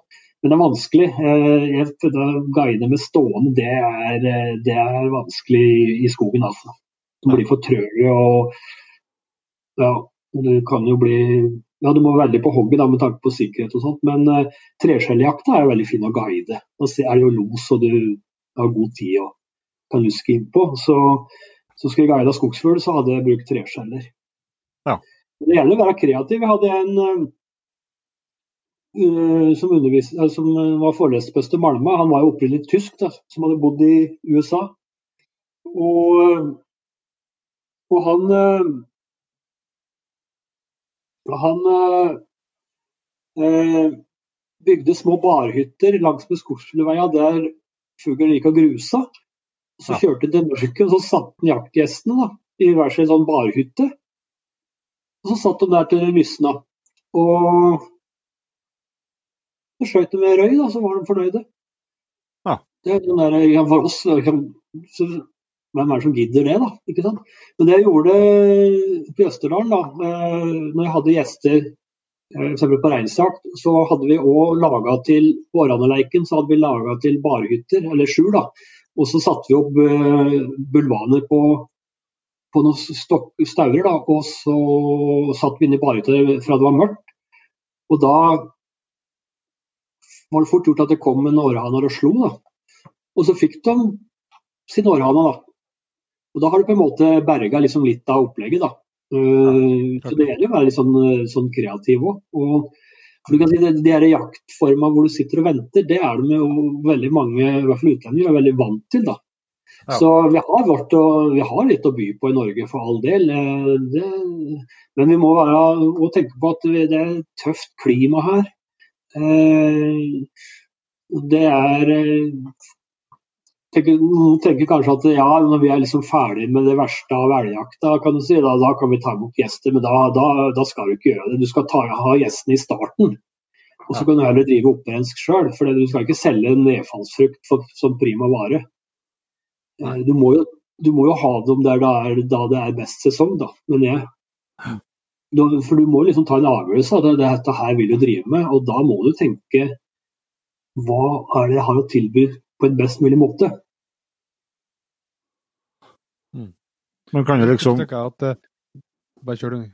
Kan du, uh, klarer du liksom å sammenligne uh, det kicket når du, når du, har med deg en gjest som får, uh, får felle et vilt som han har ønske om? Så kan du liksom sammenligne, kan du sammenligne det kicket du får sjøl med at du har, vel, har hatt ei vellykka guiding, opp mot at du sjøl har felt et at sjøl har? Mye, ja, mye større kick når gjesten skyter. Ja. Ja, ja.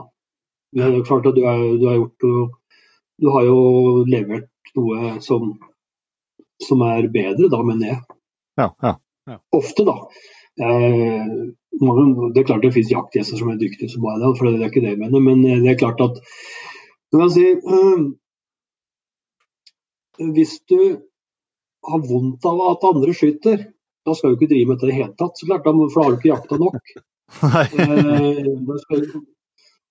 og Det bringer meg opp på det her eh, som jeg la på minnet. Det var en av de her store jegerprofilene i Sverige, Birger Eriksson, som var en av de her eh, virkelig store som ble kjent da, som Jan Åkermann og Karl Henry Lundin og Jonny Ryrke, som hadde bikka 1000 elger og sånt. Og, og, han ble spurt om hva er, hva er en riktig jeger, altså hva er en, skik, hva er en skikkelig jeger? ble han spurt om, og Da svarte han at det er en som har jakta så mye at han ikke misunner på noen andre. Ja. ja. Det er, godt, uh, det er et godt bilde på det. Ja, den har jeg tatt til meg. Og ja. den, den syns jeg er veldig bra. Den sier ja. egentlig veldig mye.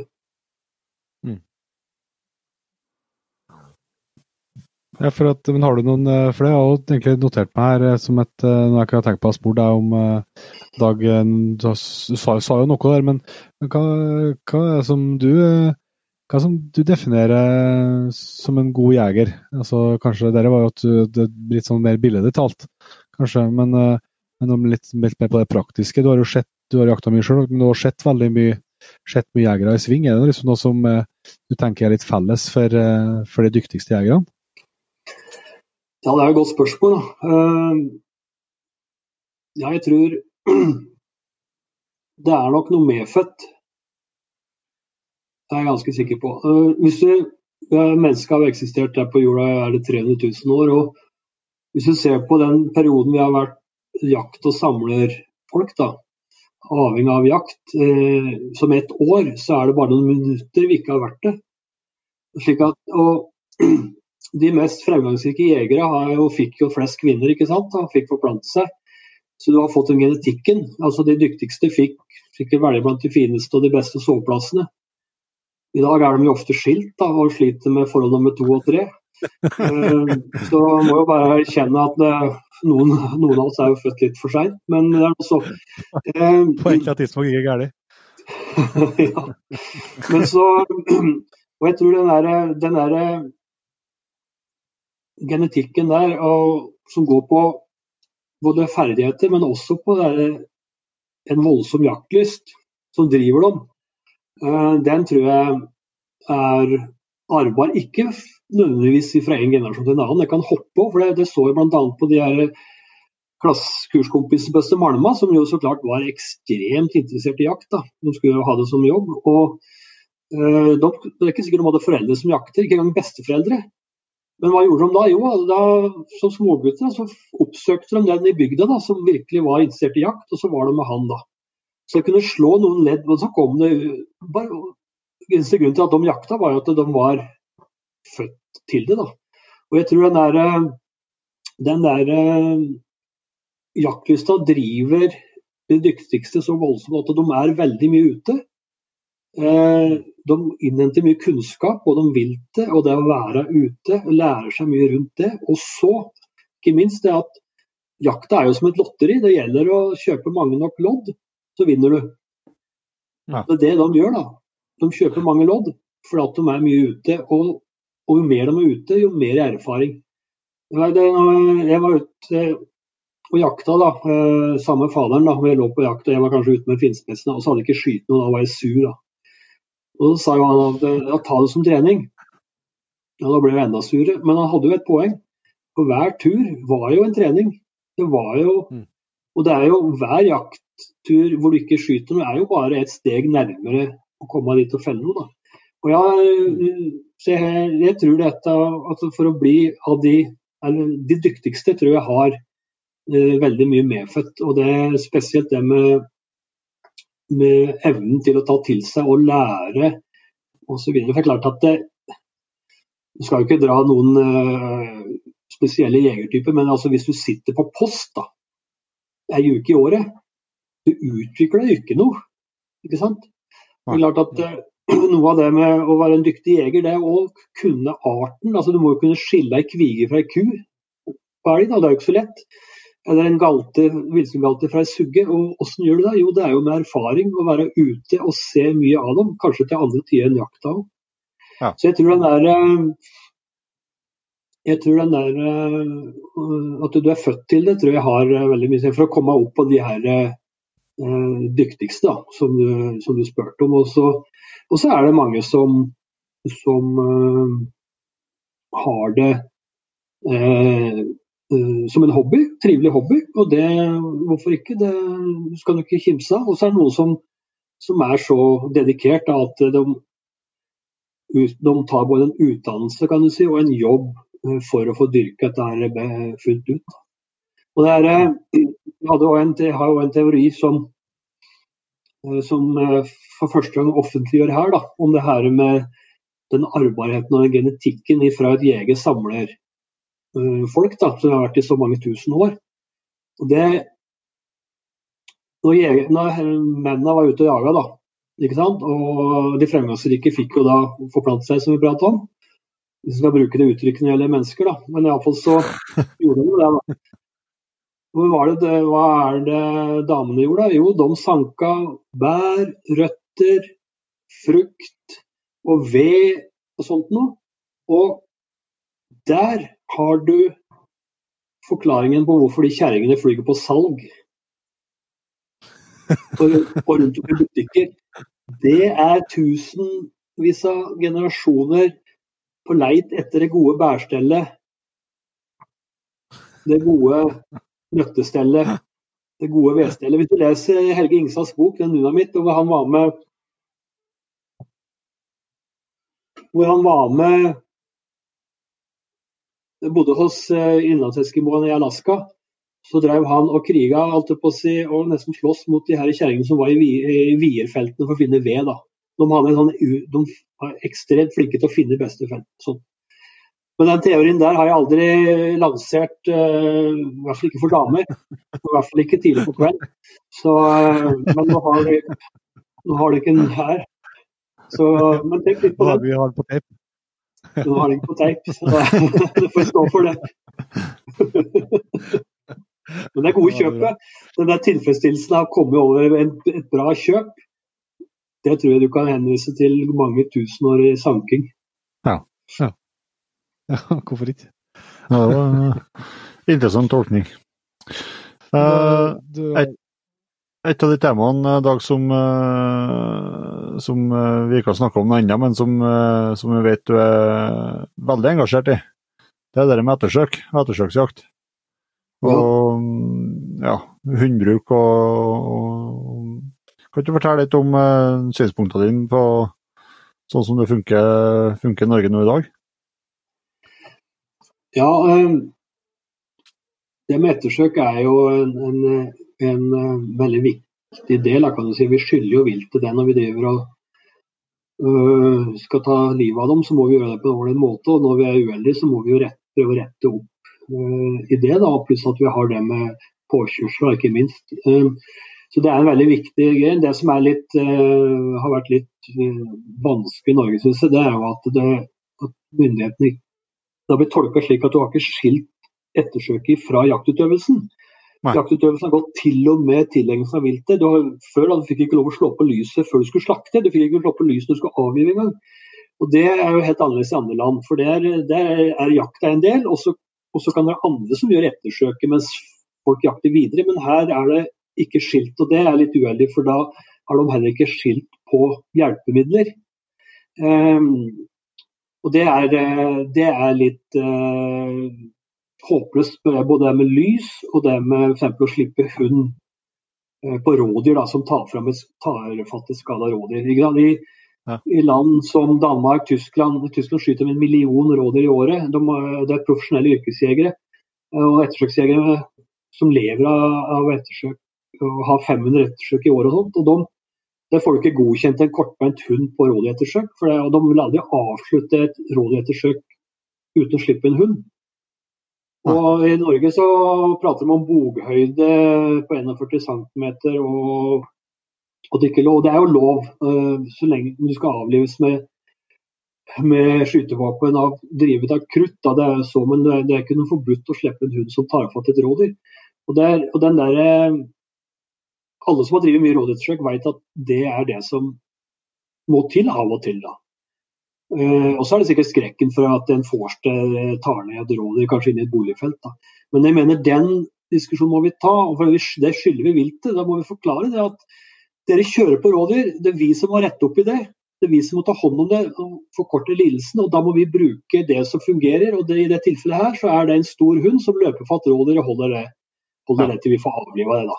Mm. Uh, for eksempel, da. Så det er det, er det, det er det, ene. Og det andre er at i Norge har satsa på kvantitet. Altså det er 10 000 såkalt ekvipasjer. Mens i andre land så har du gått motsatt, og så har du heller få, men dyktige. da. Ja. Altså det er en høy terskel for å, for å bli ettersøksjeger. Uh, og det er klart at det, hvis du har et uh, ettersøk hvert tredje år, da, heldigvis at ikke er flere, så blir det verken du eller hun noe særlig god. Uh, og mange tar jo den spor, sporprøva blod, og blodsporet når f.eks. laushund er ung, da, og så trener de ikke noe mer. Og det er klart at eh, Når den hunden da får, skal liksom gå et spor, da, for hvem skal den hunden gå det sporet? Han skjønner jo ikke det.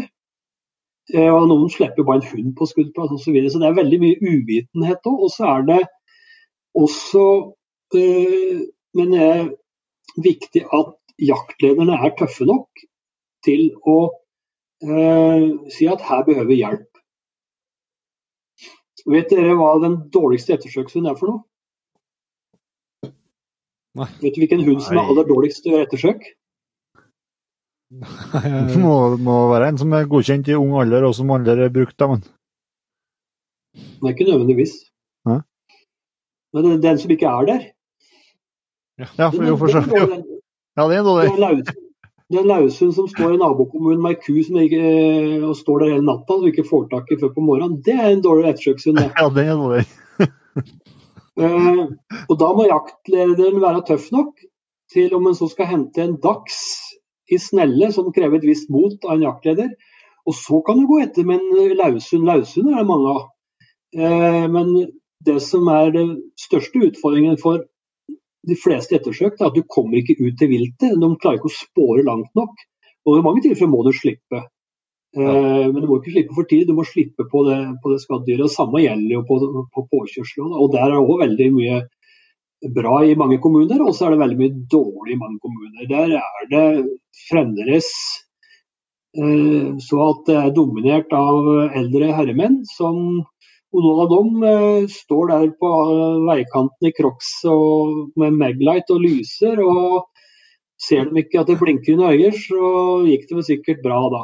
Og, og så ligger der og lider. og det, eh, det, holder ikke. Mens det kanskje er andre da, som er eh, mer eh, interessert osv. Og så Jeg tror det er en feil strategi å ha veldig mange. Det er greit nok det å ha en hund, spårhund på hvert lag som kan spåre opp der, det døde eller døende dyret som ligger x antall meter i en og Det er helt greit. Men Uh, jegere må bli flinkere til å få tak i de som er dyktige, når de ikke klarer det sjøl. Uh, og, og det, det, gjelder også kommunene. Derfor har vi, har vi lansert overfor Miljødirektoratet at de av oss som har drevet med, med kurs og mye med ettersøk, det er at i hvert fylke Nå begynner noen å bli så store, da, men, men iallfall se på de gamle fylkene. altså I hvert av de gamle fylkene så bør det være minst to personer som får, et, får eh, bidrag fra fylkeskommunen f.eks. For, eh, for å stille opp og hjelpe kommuner og jaktlag. For det er klart at den, den kommuneettersøksjegeren da, som står der med en spårhund, og det regner og det er mørkt, og du, du kom, og enten så mister du sporet, eller så kommer du ikke videre, eller rådyret, eller den hjorten eller den elgen, men den bare går føre. Hvis da vedkommende kan ringe til en som en veit er dyktig, og de kommer dagen etter, så kan de komme lenger ut. Kanskje de får tak i viltet. Og I tillegg så kan vedkommende få tatt den beslutningen om å gi seg på en helt annen måte når en har det støtte fra en erfaren en, og lærer noe av det. Og det skal ikke koste kommunen noe da, hvis det er pengene det står på. Jeg tror Hvis vi hadde fått til kall det sånn elitekorps, da, eh, så tror jeg alle hadde tjent på det, og ikke minst viltet. For de hadde funnet igjen flere. Og er det noe jegere, storviltjegere eh, skjønner, så er det resultatet. Altså. Hvis du får høre at ja, der fant de igjen den, og der fant de igjen den, for de brukte den, osv. Det er eksempelets makt. Og da er det òg lettere for jaktlederen å trå på ømme hundførertår og si at eh, nei, han, vedkommende der er veldig dyktig. Mm. Eh, vi ringer til han. Og, og så er det at det, mange, spesielt elgjegere, de har så veldig tro på de løshundene. da. Liksom at du bare slipper en løshund, så skal de måle opp. da. Men uansett rutinert løshund, så er det store sjanser for at de veksler opp på noe annet. Mm. Eh, og, og hvorfor ikke? Så lenge de kan jo komme på en, eh, et dyr da, som står der. da. Og så har du det motsatte, slik som på Vestlandet, der har de ikke hatt tradisjon for å slippe løshund. Så der har de drevet og spåra og forpostert. da. Eh, Ikke sant? Men det hjelper ikke å forpostere i mørket. ikke sant? Og, så er det påkjørsel søndag kveld, da, det regner og er mørkt. Og så kommer du ikke noe videre, og så skal du ha med deg folk på mandag. da. Ja, ja. Og, ja, og så videre. I stedet for da kunne få hjelp, ha med seg en som har en hund en, en, eh, På hjort kan jo bruke elghund for en saks skyld å slippe. Og, eh, eller en vakt eller, eller en forster. eh, Men det, det der å få fram de her dyktige, og da, da, kan, da må de få mange ettersøk, og de må uh, få den hjelpa for å, å komme dit. Da. For jeg har vært så heldig å være med å gjøre ettersøk av, med noen av de dyktigste i Norden. Og du ser den kapasiteten som en bra hund og en bra fører har. Du tror det ikke altså, før du ser det. Altså, det er muligheten som er enormt hva de klarer. Ja. Mm. Og, og derfor eh, og det, Vi skylder vilt til det, mener jeg.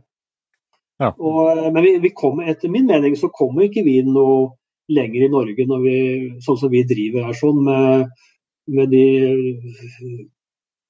den mengden, da, kan du si, med at vi satser på eh, kvantitet. Da. Men det er klart, det er jo det er noen i Norge også som er flinke, for all del. og eh, så begynner det å komme litt mer fram etter hvert, da, og de begynner å prate, de tar inn spesialister og, og greier. For det er klart at eh, det vi bruker, vi bruker jakthundene våre til ettersøk, og det er, det er greit nok det, men eh, de er for fokusert på friskt vilt. Mens de her eh, dedikerte ettersøkshundene som bare blir brukt til ettersøk, Ja. de er, mister interessen for friskt vilt. Ja. Og la oss si på, på påkjørsler så er det vel blod bare i 30-40 av tilfellene. Men hun merker jo om det dyret er skadd innvendig. Hun har ikke noe problem med det. Nei, nei. Det er eh, klokkeregnkarer som jo dere sikkert har hørt om, som eh, eh, har jo, er jo ekstremt dyktige til eh, ettersøk. Og de hadde jo da en av de største dyretragediene i norgeshistorien ble gjennomført ved at de eh, skulle sluse elga over Norges mest trafikkerte vei, Norges største elgtrekk ut på Romeriksletta skulle sluses over Norges mest trafikkerte vei. Det da kan du spørre hvor dyrevernet var enn da. da. Det er kanskje en av de største og styggeste dyretragediene vi har hatt. da. Det ble jo påkjørt hele tida. Og de Klokkerengen eh, gjorde nesten ikke noe annet enn å drive med ettersøk. Da. Og da hadde de spesialister, så gråhundtisper, som de brukte. da. Ja. Og de sa det at de beste de hadde, de stoppa etter 200-300 meter hvis det var en frisk elg. Da ville de ikke gå lenger. Nei. Så det er ikke noe problem å komme veldig langt med en, en elghund. Det er ikke noe problem det. Men altså, du har et kjempefortrinn eh, når du bruker dem bare på, på, på skadd vilt. Og de slapp jo aldri den heller. Den sporen slapp de aldri, for det, da går de jo bedre i bandet. Og da har jeg ikke forventning om å bli sluppet. Men som han sa, det er jo løshunder å få tak i. Det hadde de jo sjøl òg. Så, så det, det syns jeg er for lite fokus på det her å prøve å få fram noen, øh, noen dyktige som kan bistå kommuner og, og jaktlag som sliter. Og så er det den der også uh, at vi og jaktlagene må bli flinke til å melde ifra, for det er for mye som dyttes under teppet. Altså. Det finnes jo igjen elger med kuler i som ingen har skutt og sånt. Og, og det, det skal man huske på at det er ikke forbudt å gjøre dårlig ettersøk. Det er en skam, men det er ikke forbudt. Men det er forbudt å ikke melde ifra. Men, du, men du, du er ikke redd for at den, den faktoren, også, hvis, du, hvis du Jeg er helt enig med tankegangen din, og, og at det finnes veldig mye godkjente ettersøksekvipasjer rundt om i, i, landet som, eh, som er, ja, kanskje ikke har størst fokus på trening og har veldig lite tilfeller i løpet av hundeliv.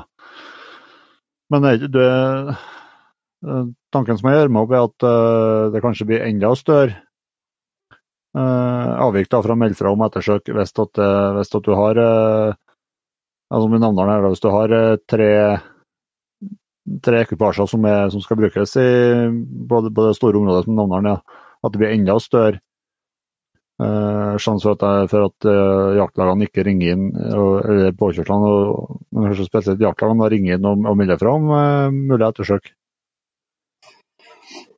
Nei, jeg tror ikke det. For det, det, de, altså det, de, prøver jo først sjøl. Det skal de gjøre òg. Ja, Men det er når de ikke får det til at de ringer.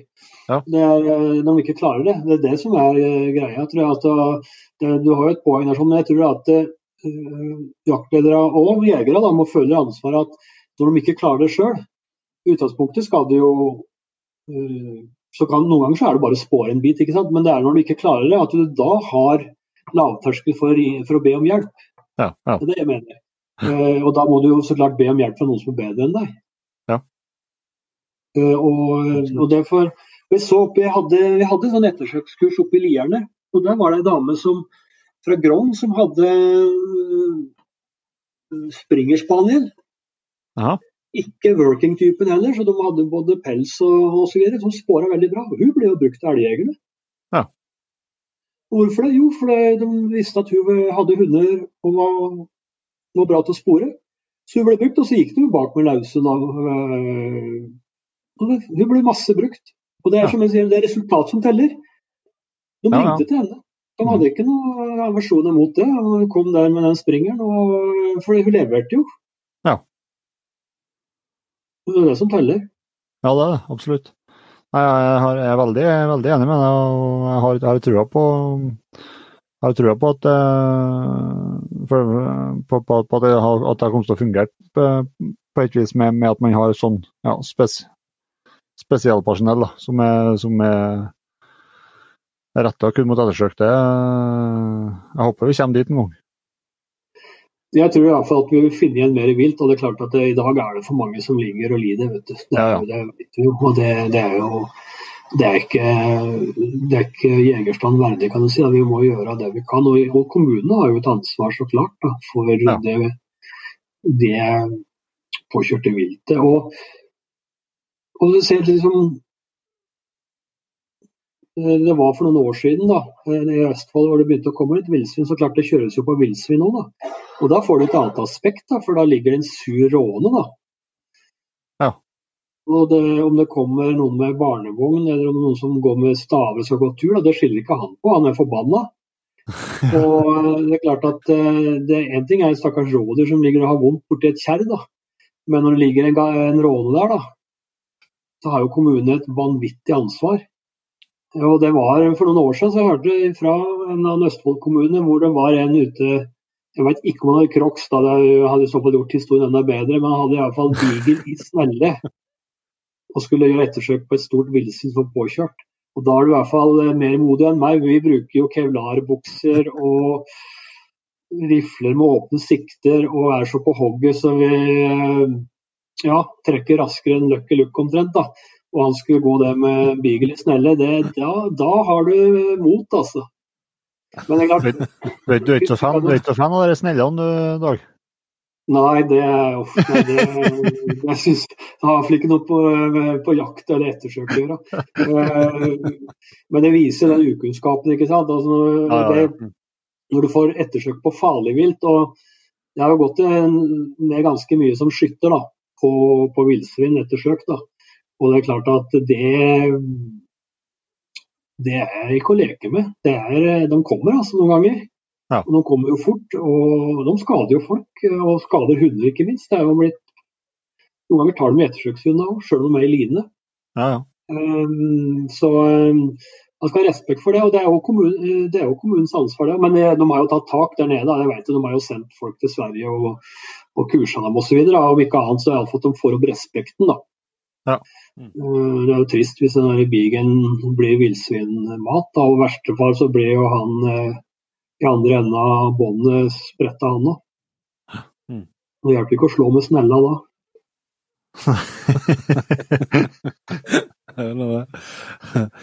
Det, eh, vi er- skal ikke holde deg så forbaska mye lenger nå, da vi skal få begynne å ta kveld. Vi er liksom, ennå har jeg noen eh, spørsmål på luringa, men det kan at vi får ha noe til god til en senere anledning òg. Men eh, eh, det hadde jo vært artig eh, å høre litt eh, ja, både som, som selvsagt dedikert jeger, men òg med, med din faglige bakgrunn. Litt, hva, hva, litt sånn overordna kanskje, da, hva du tenker rundt hvordan forvaltninga er og fungerer i Norge i dag, både på, både på stort og smått vilt og, og, og vilt med, med spisse tenner. også. Og det, og det stiller du nå og så sier at eh, du skal avrunde. Det, det var jo litt utfordrende. Men jeg får prøve det beskrivelige kunststykket og fatte meg i korthet. da. Eh, Det er lettere sagt enn gjort. Men eh, når det gjelder eh, småviltet, så syns jeg det er for lite offensivt. Det er blitt en sånn voldsom sånn fredekultur. Da. Altså Forvaltning f.eks. av ryper det går stort sett på å begrense jegere. Og Det syns jeg er veldig defensivt. for Eh, du snakker, du prater om en Kim, da, Storstein Jønsson. ikke sant? En av jobba hans. Var jo å fange småpredatorer for å holde rypestanden oppe. Ikke at vi skal kle fjellet med ryper, men da skulle leietagerne ikke få den beskjed at eh, etter takseringa nei, i år blir det ingenting. Nei. Eh, det, det, det vil jo svinge uansett hvor hardt du tar kråkefugl og, og rev og mår og røyskatt og mink, men eh, du skal ikke komme så langt ned at du må frede. Og jeg har ikke noe tro på en fredning ennå. Et veldig godt eksempel var på Nord-Østerdalen. for eh, Jeg tror det var i 20, på- på- eh, 17, var det 2017 eller 16 eller 15, jeg husker ikke, men i hvert fall et år det var veldig dårlig. Over hele fjøla. Det var to ganske like kjempestore områder. Eh, Det takserte de mye òg. Og det ene området freda alle rype et år. Det andre hadde en forsiktig jakt. Uh, året etterpå så takserte de, men det var ikke noen forskjell. Så Den eneste målbare forskjell på de to områdene var at det ene området hadde tapt en million Ja. i inntekt. Ja. Tenk om du hadde brukt en million til å sette opp såpass fangstpremier, da. At noen kunne nesten ha det som en biinntekt. Ja, ja.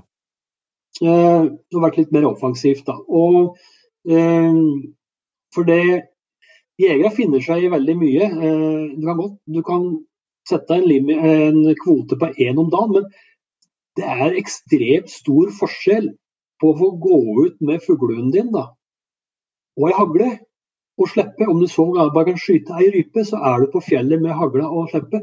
Hvis det er fredag, så sitter du kanskje hjemme, da. Eller så må du dra et annet sted. Ja. Og nå har det, Statskog har gjort undersøkelse at halvparten av rypejegerne skyter jo ingenting uansett. da. Så det er jo ikke noe fare å slippe dem til sjøl i dårlige år, for da skyter de jo enda mindre. Det er bare å sette terskel. og Den der fredningsgreia det er blitt et forvaltningsverktøy. Det syns jeg er både passivt, og jeg har ikke noe tro på det heller. Men det jeg har tro på, er å, å kjøre mer på uh, rovviltbekjemping og biotopforbedring. Da. Og, Ja. og, og jeg mener at da får eh, småviltjegere får finne seg å betale mer for småviltjakta. I dag så er, får du jo skogsfuglkort nesten kastet etter deg. Den koster jo mindre enn gummistøvler du har på deg. Det kan heller koste mer. Og, og hvis ikke du vil jakte småpredator, så kan kanskje andre gjøre det. Og jeg tror at eh, hadde det vært mer gjengse, så kunne flere ha hatt det som en attåtnæring, for å si det sånn. Altså kunne kanskje hatt halv jobb og så drive med dette her. Fordi skal du få resultat, så må du profesjonalisere det. Det er greit at du setter opp noen mårfeller og skyter noen rev på åte, men skal du få resultat, så må det drives ganske stort over større områder. Så kan man si at det, Er det riktig å drepe noen vilt for at vi skal ha mer annet vilt å skyte på? Ja, det mener jeg. Det for, det, for det første har vi satt oss som mennesker, vi forvalter viltet. Og det vil uansett bli en diversitet, da, for mange områder kommer det aldri til å skje. At det da er mye skogsfugl og rype ett sted, og så er det lite et annet sted, og mer rovdyr. Ja, da har du diversiteten. Eh, det var kort om småviltet. Eh, når det gjelder hjorteviltet, så, eh, så er det òg eh, Det som er utfordringen der, syns jeg, det er at vilt, hjorteviltforvaltning blir liksom ikke betrakta som et fag. Det, hvis du har 70 mange nok høster på elgpost, så har du liksom rett til å utøve en elgforvaltning. Ja. Uansett om du er rørlegger eller elektriker. Og, og han der stakkaren fra Ås i Levenstad, da, som er sekretær i Bestandsplanrådet eller eh, kommunal viltforvalter, han får jo så øra henger da, hvis han sier noe som de ikke er enig i. da. Eh, og den eh, Jeg får bare bruke elg, jeg skal ikke rakne på elgjegere, men eh, den mennesket da, som sitter der på en post og får tre elger på seg første morgen, du får ikke innbilt han at elgstammen er på vei ned. Wow. Eh, og motsatt av den som ikke har sett elg på tre dager, det får ikke innbilt eh, vedkommende at det er bra med elg. Eh, det er så snevert osv. Og, og, og så må du som viltforvalter må du ta hensyn til det. Altså Når jeg tilkaller en eh, elektriker, så står jeg ikke og viser han hvordan han skal gjøre jobben sin. Men han der uh, viltforvalteren, han skal belæres, da. Og, og, og så Og noen som har fått en diplom da, i bra husdyrhold, nå får av seg felleskjøplua, altså på med den oransje jaktcapsen, så skyter med elg uten å blunke. da. og så lurer han på hvorfor det ikke er mer elg. Altså er elgkua som har etablert seg, som bor på sine 10 000 dekar da, og kommer med tvillingkalver årlig og, og, drar okser. Når hun får på pelsen, da, og så, og så, skjønner de ikke hvorfor det blir lite elg. da. Og så skjønner de heller ikke mange da, hvorfor det ikke er store okser. Men da bare de ete opp lenge før de blir store. Så Det er eh, litt utfordrende. Men samtidig så klart er det gjort er det mye av. og og Der har du hatt eh, utfordringer med at de gjør skade på innmark. og, og Du skyter ganske mye, mye hjort der, sånn, men eh, jeg, eh, når det gjelder kvaliteten, så kan man nok diskutere de store, de store boka. og Mange steder på Østlandet hvor hjorten etablerer seg, så er det ikke noe er det heller ikke noe plan for oss det skal være. Skal vi ha dem, eller skal vi ikke ha dem? og så. Og så er det jo kjempeutfordringen da, at der det er trekkende bestander, da, så, sånn som på elg, da, så er de et sted om vinteren og gjør skade på skog. Og så er de et annet sted om høsten og gir inntekter til grunneieren. Og så langt så er det, nesten, er det veldig få, om noen, som har klart å få til et samarbeid, slik at eh, la oss si de som har inntekter på høsten, da, skal være med å bidra til utgiftene på vinteren. Det, Eh, det mennesket som får det til å fungere eh, Jeg vet det finnes noen få hele unntak, men det mennesket som får det her satt i system, kan reise ned til Gazastripen og begynne å være forhandler. Altså. Det, den har beskrivelige evner. Um, så det var litt sånn kort om, om hjorteviltet. Når det gjelder villsvinet har vi vært inne på allerede. og det er klart at Dere har jo Eh, og den invasjonen som vi har eh, prata om, som jeg er redd uteblir. Det er en ting, annen ting, det som er utfordrende, det er jo den afrikanske svinpesten som liksom veterinæra pisker på, da, Mattilsynet, som gjør jo at du får opp aggresjon mot villsvin. Eh, vi får håpe vi slipper den. da. Men jeg kan jo forstå at det er en, sykdom som er så smittsom at det kan slå ut slaktegrisa. Da. Så Det er jo så klart eh, alvorlig.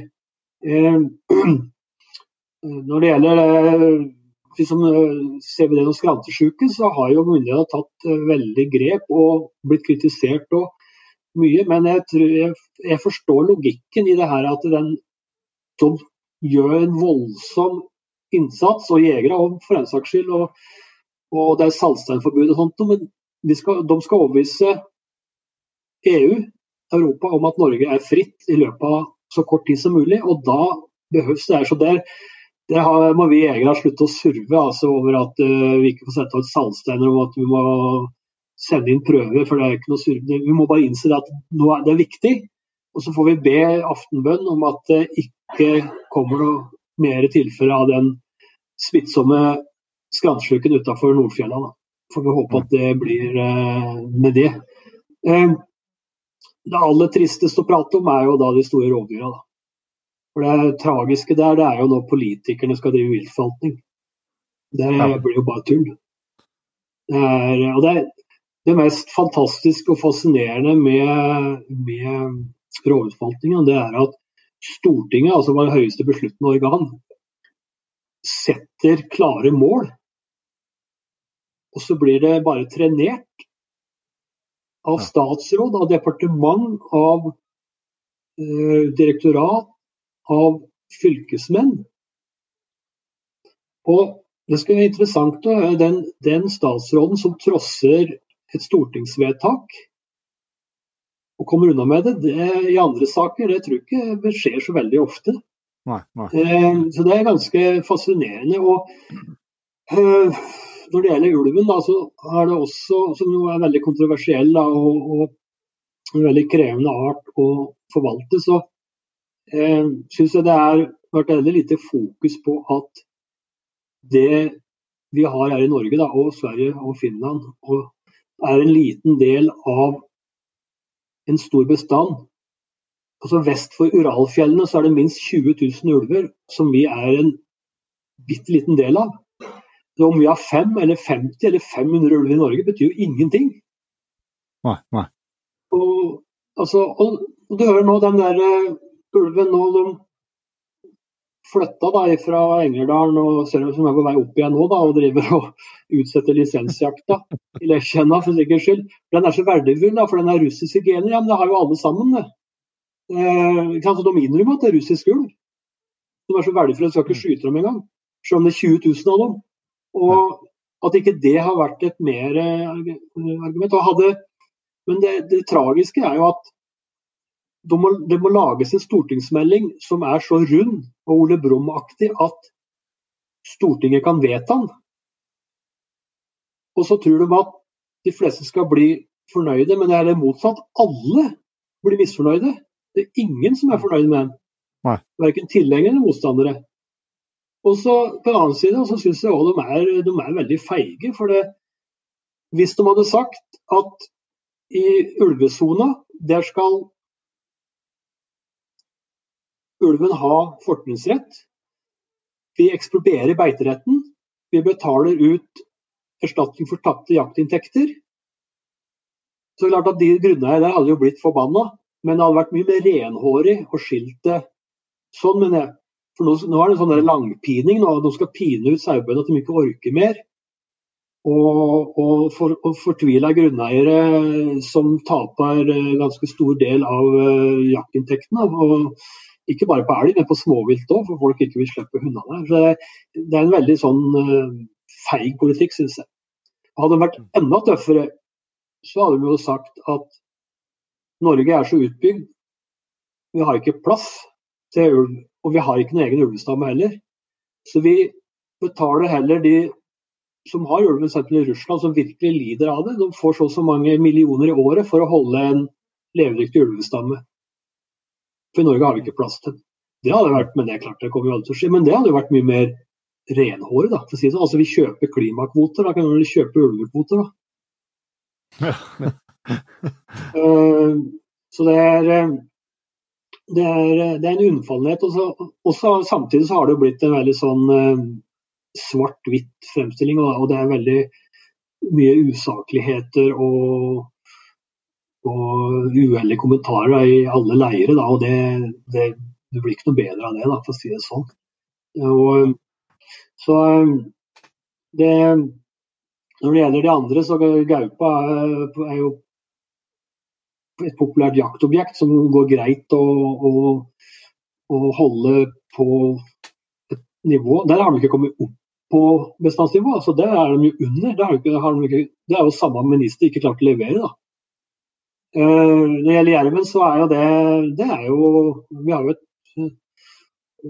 et potensial for å ha jerv, men samtidig så er jo det den største skadegjøren på, på både sau og tamrein. Altså det er en utfordring der. Da. Og det er klart at Vi har jo jerv andre steder òg, men, men jeg syns da at det viser nok en gang det vi prata om i starten her med den artsrasismen. da. Altså, ja. Nå viser hiuttak av jerv på TV. Tenk om han gjort det i et ulvehi. Ja. Ja. Tenk om ja, samme person ja. hadde kommet krabben ut med ulvevalp og skyter dem i skallen med salongrevolver.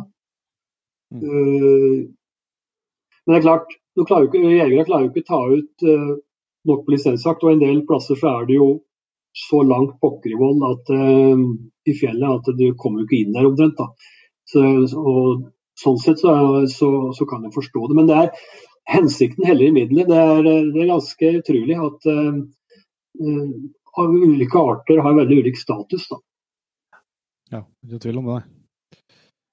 Så det var, det var veldig kort om forvaltning av både rovdyr og hjortevilt og småvilt. Jeg syns du klarte, dere, klarte å få, få, inn, eh, få, inn, veldig mye på kort tid. der, Dag, Det var imponerende. så, vi har, vi har, så er det bra, det er bra hvis at har mer til gode. Ja, ja, ja. Men hvis, de, men hvis de prøver å gå inn for en slags eh, landing her, så har vi jo litt sånn faste, faste punkter mot uh, avslutninga når vi har med, har med, gjester. og Det slipper vi ikke unna heller. Dag, og det første spørsmålet det går litt på på utstyr, jaktutstyr. Er det noe der som du er veldig glad i, som du kan eh, tipse, tips videre om? GPS hundepeiler. Ja. Det, du ser den når, det når hundene stikker av. Uh, uten speil, så klart. da. Uh, ser du liksom Du føler deg som en blind mann som har mista førerhund, som har stikket av. Står der og vifter med stokken din. og det er klart, Nå har jeg vært med og jaga fra før peilen sin tid. da. Og vi leita særlig elghunder. Så GPS-peil syns jeg er, eh, er et vanvittig hjelpemiddel. Og særlig nå så har kommet de sånn som trekkergrupper, slik at uh, postskytterne kan bare kjøpe en app, og så ser de både hunder og hverandre og sender meldinger. som gjør, Det gjør det mye, mye bedre for oss hundeførere og, og jeg synes at jeg tror postskyttere har mer glede jeg òg, for de får fulgt med mer. Og selv om du sitter kanskje litt sånn i bakevja uh, som postskytter, så, så, er du med på et vis. Du ser jo bikkja, du, uh, du, ser jo hundeføreren på vei inn, du ser de andre postene. Uh, så husk på da, Hvis du skal stikke av posten, så må du legge en telefon. da. Så ser vi det. Så, altså det er jo et, det er jo et utrolig hjelpemiddel som, er, som jeg syns er kan ikke se noe negativt i det. og Det er klart, det er jo det samme at det har vært en litt sånn, eh, sånn mot, mot, det som en nyvinning. Men så sier jeg at ja, du må liksom uh, vente, du skal ikke hente hund, for du skal liksom vente en kommer. Men jeg sier at det var visst å sitte og vente på en hund som ligger flat på rv. 3. da. Det er klart at Når jeg har full fart på rv. 3, så henter jeg en hund for å få kjørt her. da. Men det er klart at det, det er jo alltid sånn det, det har vi ikke vært inne på, det, men eh, det er jo sånn, mye diskusjoner rundt det med tekniske hjelpemidler under jakta. Det vet jo dere òg. Og, og, det er en utfordring synes jeg, selv på lagsjakt. At folk har uh, ulike innstillinger til det, og så skal du jakte sammen. Ja. Altså, det ene elgjakta er i gang, da du skal kjøre drev der osv., og, så og så tikker det inn bilde på telefonen at det står en elgokse på den Salsteinplassen, hvor det kanskje ikke er en saltstein, men like fullt så står den der. da. Og Så lanser den det, da, og så hva gjør jaktlederen da? Snur du om, da skal du dit, osv.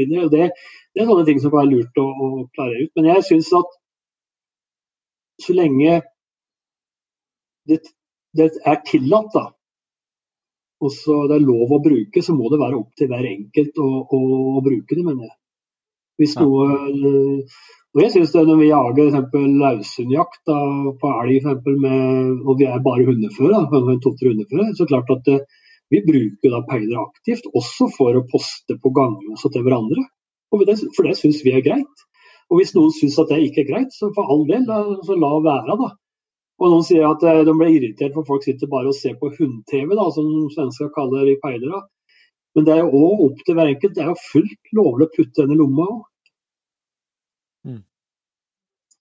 Men i alle fall, jeg syns at det er kanskje noe av det største framskritt vi har hatt, så er det de GPS-hundepeila. De syns jeg er suverene.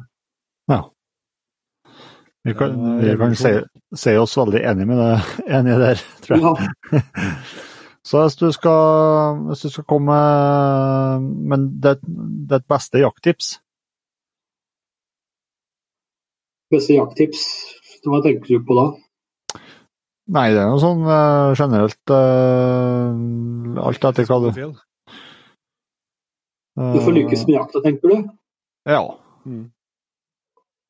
Ja, ikke, ikke gi opp, ikke serv. Det fins ikke tomme elgterreng. Det er bare at eh, det kommer alltid inn eh, dyr. Det, det kan være lite fugl, det kan være lite av både det ene og andre, men eh, det er bare å bøye nakken og så gnu på.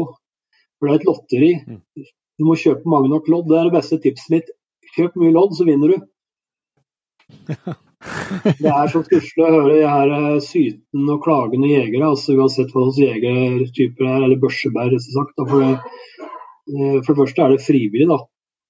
Eh, Så hvis du har det så veldig ille, så heller finn på noe annet, da. Og det, så det er det beste jakttipset mitt. Det er liksom å holde på, stå på. Kjøp lodd. Veldig bra. Og så du har jakta så mye forskjellig og så mye som det er i dag, så jeg lurer jo fortsatt på om eh, det er en eh, stor jaktdrøm eh, som du ikke har fått opplevd? Uh, ja uh, uh, Det er klart at eh, det skulle vært moro å, å vært med på en sånn klassisk elefantjakt, da, hvor du spåra dem opp. da, Kanskje over flere dager. Eh, vi var i Sør-Afrika en tur, det det var ikke elefant, da, men, eh, men da var det en, en buskmann som spåra eh, sebra, sebraflokk da, på barmark, så klart. da. Det hadde ikke regna på flere måneder. eh, Gjennom annet vilt. da. Eh, Vi så, vi så jo Det gikk jo mye annet der. da, Sebra holder ofte sammen med han. Men det var åtte stykker. og han, han spa, og i et tempo som gjorde at jeg skulle prøve å fotografere ham, men jeg måtte springe opp på sida da. Og Så var han ute og justerte litt der det var litt steinete, og så var han på spor igjen. Og det var de samme sebraene når vi kom fram. Og det, det var sånn jeg bare leste om. Og det, det var fantastisk å se, altså at det går an. Eh, jeg fått opplevd det på elefant, da. For jeg veit noen ganger de spårer og spårer og spårer. Og spora fram til en elefant. Og det er klart at det er jo sikkert noe fascinerende kanskje å skyte et dyr som er eldre enn deg sjøl.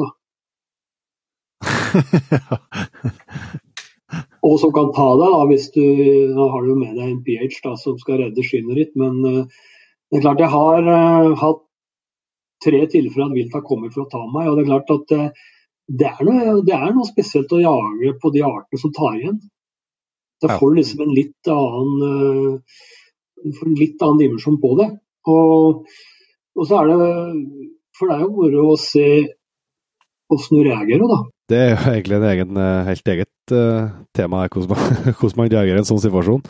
Men uh, så har vi jo et, uh, selvsagt et, et håp, selv om vi har sittet her lenge dag, eh, om at du har ei jakthistorie. Du har delt noen allerede, men at du har ei på luringen mot, mot slutten der òg. Eh,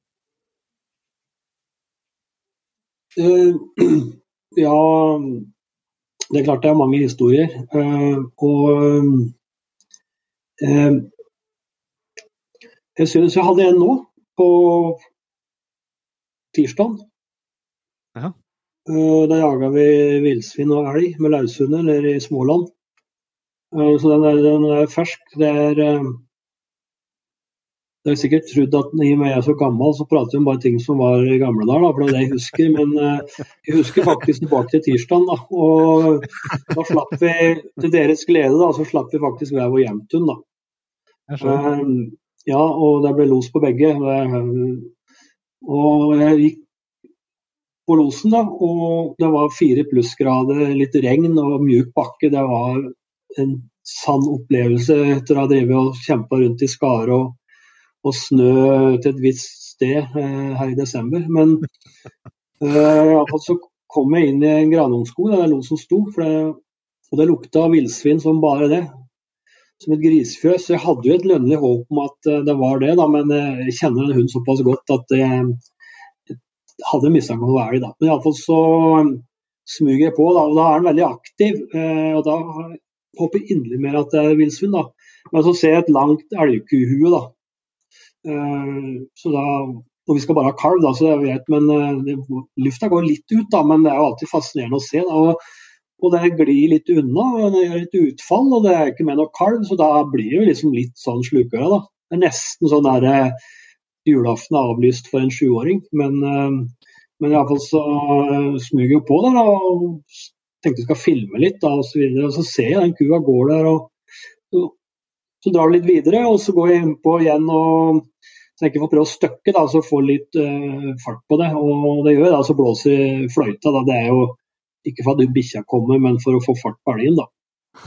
da men det går jo bare noen 300-400 meter, og så er det stopp igjen. Og så han um, kompisen min Ted, da, som har skutt en kalv for øvrig for hunden sin, og kobla den, han uh, spør om han skal prøve å, å, å avskjære hunden. Altså det går mot en vei der, da.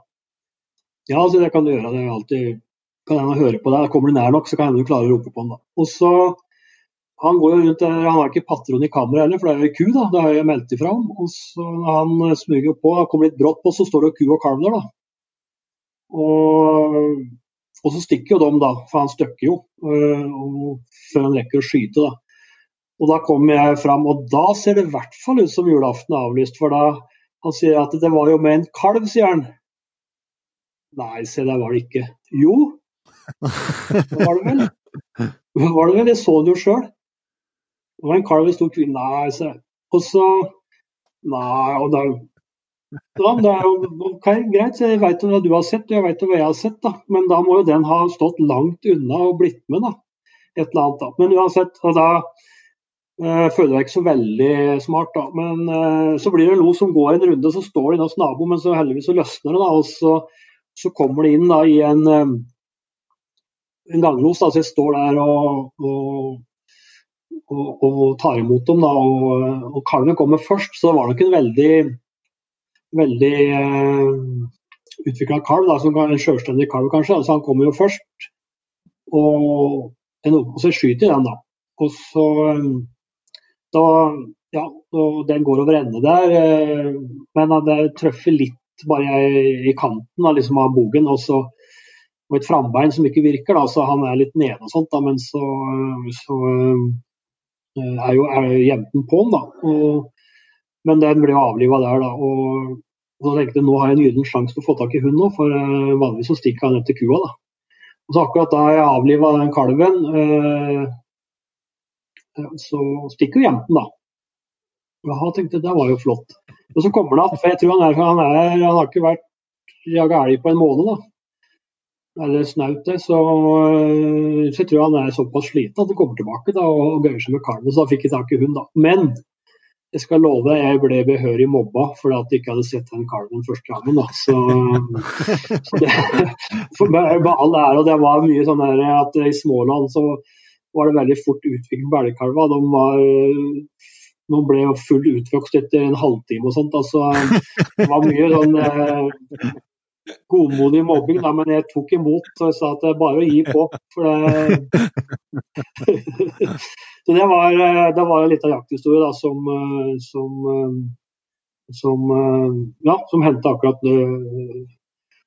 nå, da. Som jeg kommer til å huske ganske lenge pga. den starten.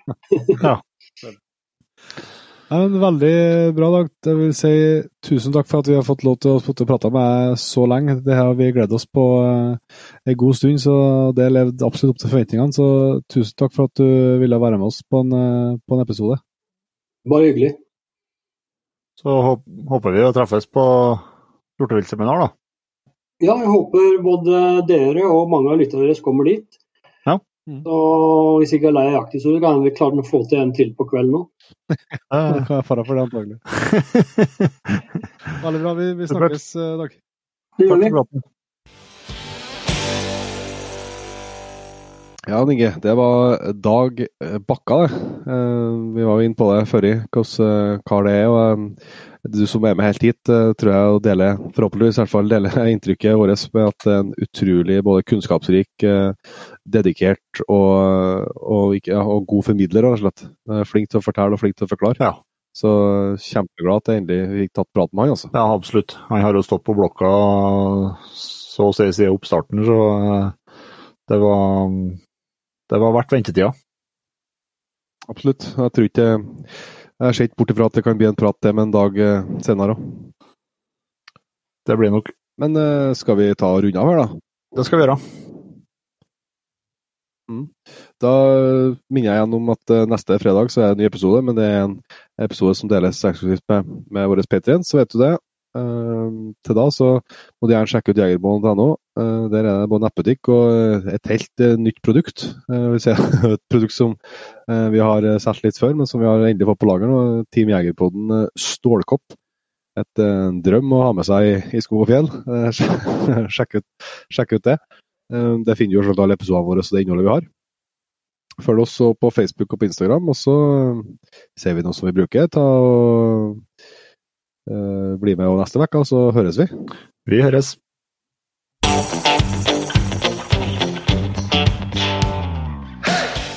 Tusen hjertelig takk for at du valgte å bruke litt av tida di på Jegerpodden.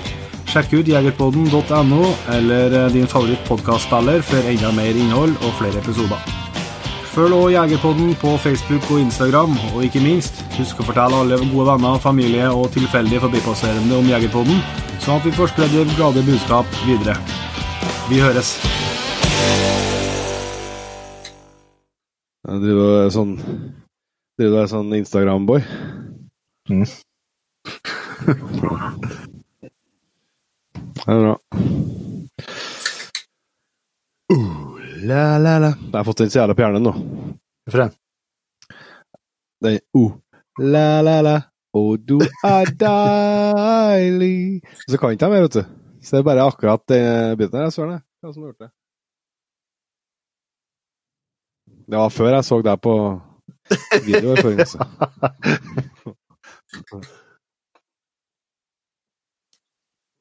Ja, jeg må legge fra telefonstyret, nå, så vi kan spille inn en podkast.